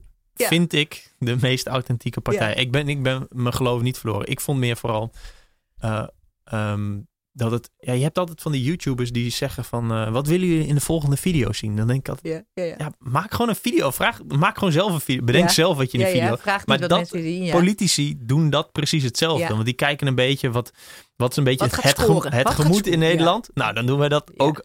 Terwijl, maar dat slaat nergens op. Nee. Want, en dan hebben we het weer over idealen. Als eh, Marianne Thieme aan tafel zit bij een talkshow. Ja, die, heel vaak wordt zij niet begrepen. Nee. En dat is voor haar, denk ik, ja, inmiddels wat makkelijker. Maar dat zal wel heel moeilijk zijn. Maar ik, eh, ik voel dat, zeg maar. Ja. En dan denk ik van, ja, tof. Ja, Dit- en je dit kan ik- haar ook niet pakken op. Ze laat zich niet verleiden toe. Ze, ze, ze heeft maar één ideaal. En het fijne, dat is dus het fijne. Wat ik eigenlijk is het de beste link die ik nu kan zeggen. Want ik vond eh, eigenlijk dacht je, je zei het. Toen dacht ik, oh ja, leuk om even over te praten. Toen dacht ik, nee, eigenlijk niet. Want eh, dit is nou juist zo'n voor, voorbeeld waarin je mensen. Ja, precies. Laten we. Nee, maar dat je mensen niet, hier niet van kunt overtuigen en dat ook niet moet willen. Maar het prettige juist hiervan is, als ik het heb over eh, de rust die je overvalt als je eenmaal één keer heel goed na hebt gedacht over de, de zingevingsvraag, maar de ultieme zingeving, dus de existentiële vraag, hoe makkelijk en luchtig dat de keuze tot en met in de supermarkt maakt. Zo is dat voor haar. Zij hoeft niet na te denken of ze moet liegen of moet konkelen. Want zij hebben één set met basisvalues, zeg maar de idealen van de Partij voor de Dieren. Zijn zo duidelijk dat je niet hoeft te twijfelen bij een keuze. Kijk, soms zal ze zich inhoudelijk heel goed moeten laten informeren om dan Mhm. te kijken van wat Ja. was er het beste bij. Maar bij verder alle andere dingen hoeft zij niet na te denken. Want het is meteen duidelijk. En dat is zo lekker als je eenmaal zelf heel goed na hebt gedacht over de grote existentiële vraag. Dan krijg je geen stress meer van keuzes in de praktijk. Omdat Ja. het veel sneller heel duidelijk voelt. Ja, maar daarom ik wilde wil ik die link dus niet- leggen naar Ja, Partij nee, voor dus de dat- Dieren. Ja, omdat dus het daar heb je helemaal gelijk in. over, over authenticiteit. Want ja. Als je daar goed over nadenkt, dan prik je dus door heel veel andere politici. Wat ik bijvoorbeeld heel lastig vond, ik ben heen. niet gelovig en ik heb ook wel eigenlijk enige moeite met sommige vormen van geloof en de uitingsvormen daarvan. Ik probeer daar steeds toleranter in te worden en ik dwing mezelf ermee te oefenen, maar ik vind dat lastig. Ik vind het geloof een moeilijk ding. Dus toen mensen mij gingen eh, vooral bombarderen met dat zij zevende dag Adventist of ik weet niet eens hoe dat heet is, vond ik dat dus ook heel ingewikkeld, omdat ik echt niks heb met het geloof en een klein beetje iets tegen in sommige gevallen, zeker als het met politiek te maken he- heeft. Maar het grappige is dat ik haar dus ook in alle jaren dat ik haar nu volg nooit heb kunnen betrappen dat dat ook maar enige invloed heeft. Want haar idealen van de Partij voor de Dieren staan boven haar zevende dag Adventisme. Mhm. Eh, en ik heb, daar heb ik heel streng op gelet bijvoorbeeld. Want ik dacht, als dat toch invloed heeft op hoe zij dan, weet je... eh, eh, Terwijl het heel normaal, in principe heel logisch zou kunnen zijn, toch? Ik bedoel, Precies, ja, en het is dus ook- dat is dus ook echt een, iets wat in mij zit. En ook misschien wel een te grote allergie. En ik werk eraan, echt waar. maar, ehm, maar dat vind ik dus ook zo prettig. Ook dat is helemaal niet het geval. Want, want haar partijidealen zijn zo duidelijk, zo glashelder. Dat je daar bij haar dus niet bang voor hoeft. Zij is de enige po- politicus die ik echt gewoon 100% vertrouw dat ze altijd doet wat het partijprogramma wat in de lijn ligt van het partijprogramma. Dat geeft mij de grootste rust dat ik ook niet hoef te checken of te dubbel. En ik blijf het alsnog wel doen, want ik ben, ik ben natuurlijk ook benieuwd van hoe lang gaan ja, ze met het is ook volhouden. interessant, ja. Ik vind dat echt, dat geeft mij een heerlijk gevoel. Want ik denk dat politiek ook, dat vind ik super boeiend, ook, ook eh, in de lijn van de existentiële vraag. Ik woonde in Amerika toen eh, Barack Obama werd gekozen. Mhm. En een van mijn belangrijkste gevoelens ook en interesses bij dat hele verhaal was dat ik ook dacht, weet je, macht en politiek corrumpeert. Hoe zal dat met hem lopen? Weet je, kunnen we hem straks ook betrappen op dingen die hij gewoon gedaan heeft? Inderdaad, precies wat jij zegt van jongens, waar zal ik een YouTube-video over maken? Van wat verkoopt, wat ligt lekker, wat willen de mensen enzovoort. Of heeft iemand echt zijn eigen baken van licht wat hij altijd Mhm. volgt? Nou, bij Barack Obama zijn de meningen daar inmiddels heel erg over verdeeld. Die, sommige mensen beweren ook toch dat hij veel te veel gepolderd heeft en, eh, enzovoort. En daar ik Marianne Team nog niet over. Ik, dat wordt natuurlijk boeiend. Stel dat ze ooit zo groot worden dat ze dan gaan besturen. Weet je, hoe wordt het dan? Want als je Ja, dat weet ik. Ja, dat weet ik ook. Ik, geen ik- compromissen wil en kan sluiten, wordt het vrij lastig om dan in Nederland, in een, in, in een de- democratie zoals wij die hebben, om dan te besturen. Dus dat vind ik ook wel boeiend. ja, dat vind ik ook wel boeiend. Ik heb ook heel weinig verstand van politiek eigenlijk. Ik vond het alleen interessant om. eh, Ja, maar dit die aan te vergelijking klopt dus helemaal. maar eh, dit wil natuurlijk niet zeggen dat als je op zoek gaat naar je, je authentieke ik, of hoe je het ook maar wil noemen, dat je uiteindelijk altijd bij de Partij voor de Dieren uitkomt. Zeker bedoel, niet, het- zeker niet. Want dat is juist het belangrijke. Want ik, ik denk ook als jij dus je existentiële vraagstuk serieus en dwingend aankaart en jij komt daardoor uit bij de, bij de VVD, bij de PvdA, bij welke partij dan ook, dan is dat, dan is dat dus juist ook helemaal oké. Daar gaat het om. Daarom vond ik het ook lastig. Maar inderdaad, bij mij leidde het tot dit. En ik vind haar wel een voorbeeld van, ehm, het, eh, van ja, wat ik al zei, eh, compromisloos. Ja. Aantrekkelijk. Mooi. Oké. ehm, ik denk dat het wel ongeveer zijn. Eh twintigers twijfels en dertigers dilemma's. Overal te koop. ja, klopt. Ligt in Ga iedere vooral leuk. Ja, en ook, het, ook weer zo'n. eh, persoon- Support your lo- local bookstore. Precies, precies. Precies. Ehm, en die andere, ligt die ook trouwens nog in iedere winkel? Nee, ehm, Wie ben ik? Mijn, mijn Wat eigen lievelingsboek, dat is altijd zo leuk. En dan heb je een bestseller, maar, maar je eigen Je, wil- lieveling. je, hebt het wel, je vertelt het wel altijd overal dat het jouw lievelingsboek Ja, is. mijn tweede is mijn lieveling. Maar ehm, die is alleen nog maar printing on demand verkrijgbaar. Maar ook als e-book. Dus als e-book kan je hem wel gewoon. eh, ik heb hem volgens mij eh, op Amazon zelfs gekocht. En printing on demand is die echt duur, vind ik dus. Dat kost volgens mij 29 nog wat. En, Ja. eh, maar dat is dus omdat ze voor iedere klant een, een eigen boekje maken. Dus ze drukken hem gewoon per persoon voor je. Dus dat maakt dan de kosten hoger. Maar je kan hem ook Oh. als e-book downloaden, nog steeds voor normale prijs. Oké, oké. Eh, wil je verder nog iets kwijt? Heel. Nee, ja, dat ik echt dat ik eh, dat onderdompeling. Wil je nog me- dat mensen eh, naar jou coaching, loopbaancoaching komen. Ah, nou dat is ook zo grappig. Dat is eigenlijk juist wel leuk om te zeggen. Want dat doe ik helemaal niet voor particulieren op dit moment. Omdat ik altijd, uh, om, omdat ik gewoon jarenlang alleen maar bezig ben geweest met schrijven. Dus ik, al mijn grote lezingen en workshops en dat soort dingen is allemaal voor bedrijven. Dus dat is eigenlijk Mhm. flauw. Uh, ik heb nu al 15 jaar echt de meest onogelijke website van Nederland, denk ik. Schappig ook, in dit boek heb ik weer mijn website laten zetten. Omdat ik zei, ja, ik ga een nieuwe website maken. Die is dan af voordat mijn boek er komt. Niet gelukt. Dus nu als je naar mijn website gaat, is dat nog steeds diezelfde onogelijke website... die mijn arme man 15 jaar geleden in Amerika even in elkaar heeft geknutseld. Met één foto van 15 jaar geleden. En twee regels tekst met een e-mailadres. Dus je kan me wel mailen. Mhm. Maar daar is nu, ik, ik ben met een klein bureautje aan de slag. Dat, zij zijn eigenlijk al klaar, maar ze zeggen iedere week... Mevrouw Wijnands, hoe zit het met die content? Ja, ja, het komt eraan, het komt eraan. Dus als ik die website eenmaal heb, dan is mijn eerste punt van actie... omdat alle millennials dat eigenlijk vragen in de mails... om in ieder geval groepsprogramma's op open inschrijving te gaan doen. Mhm. Want uh, daar vragen mensen om en dat, dat doe ik gewoon niet. Want ik was het gewoon te druk met andere dingen. Maar dus wie weet, hou, hou die onogelijke website in de gaten. En ze kunnen jou volgen op uh, Twitter. Ja, en op Instagram. Instagram. Gewoon Nienke Wijnands. Altijd, altijd Nienke Wijnands. Oké, okay, uh, mensen bedankt voor het luisteren. En ja, tot de volgende keer dan maar weer. Doei!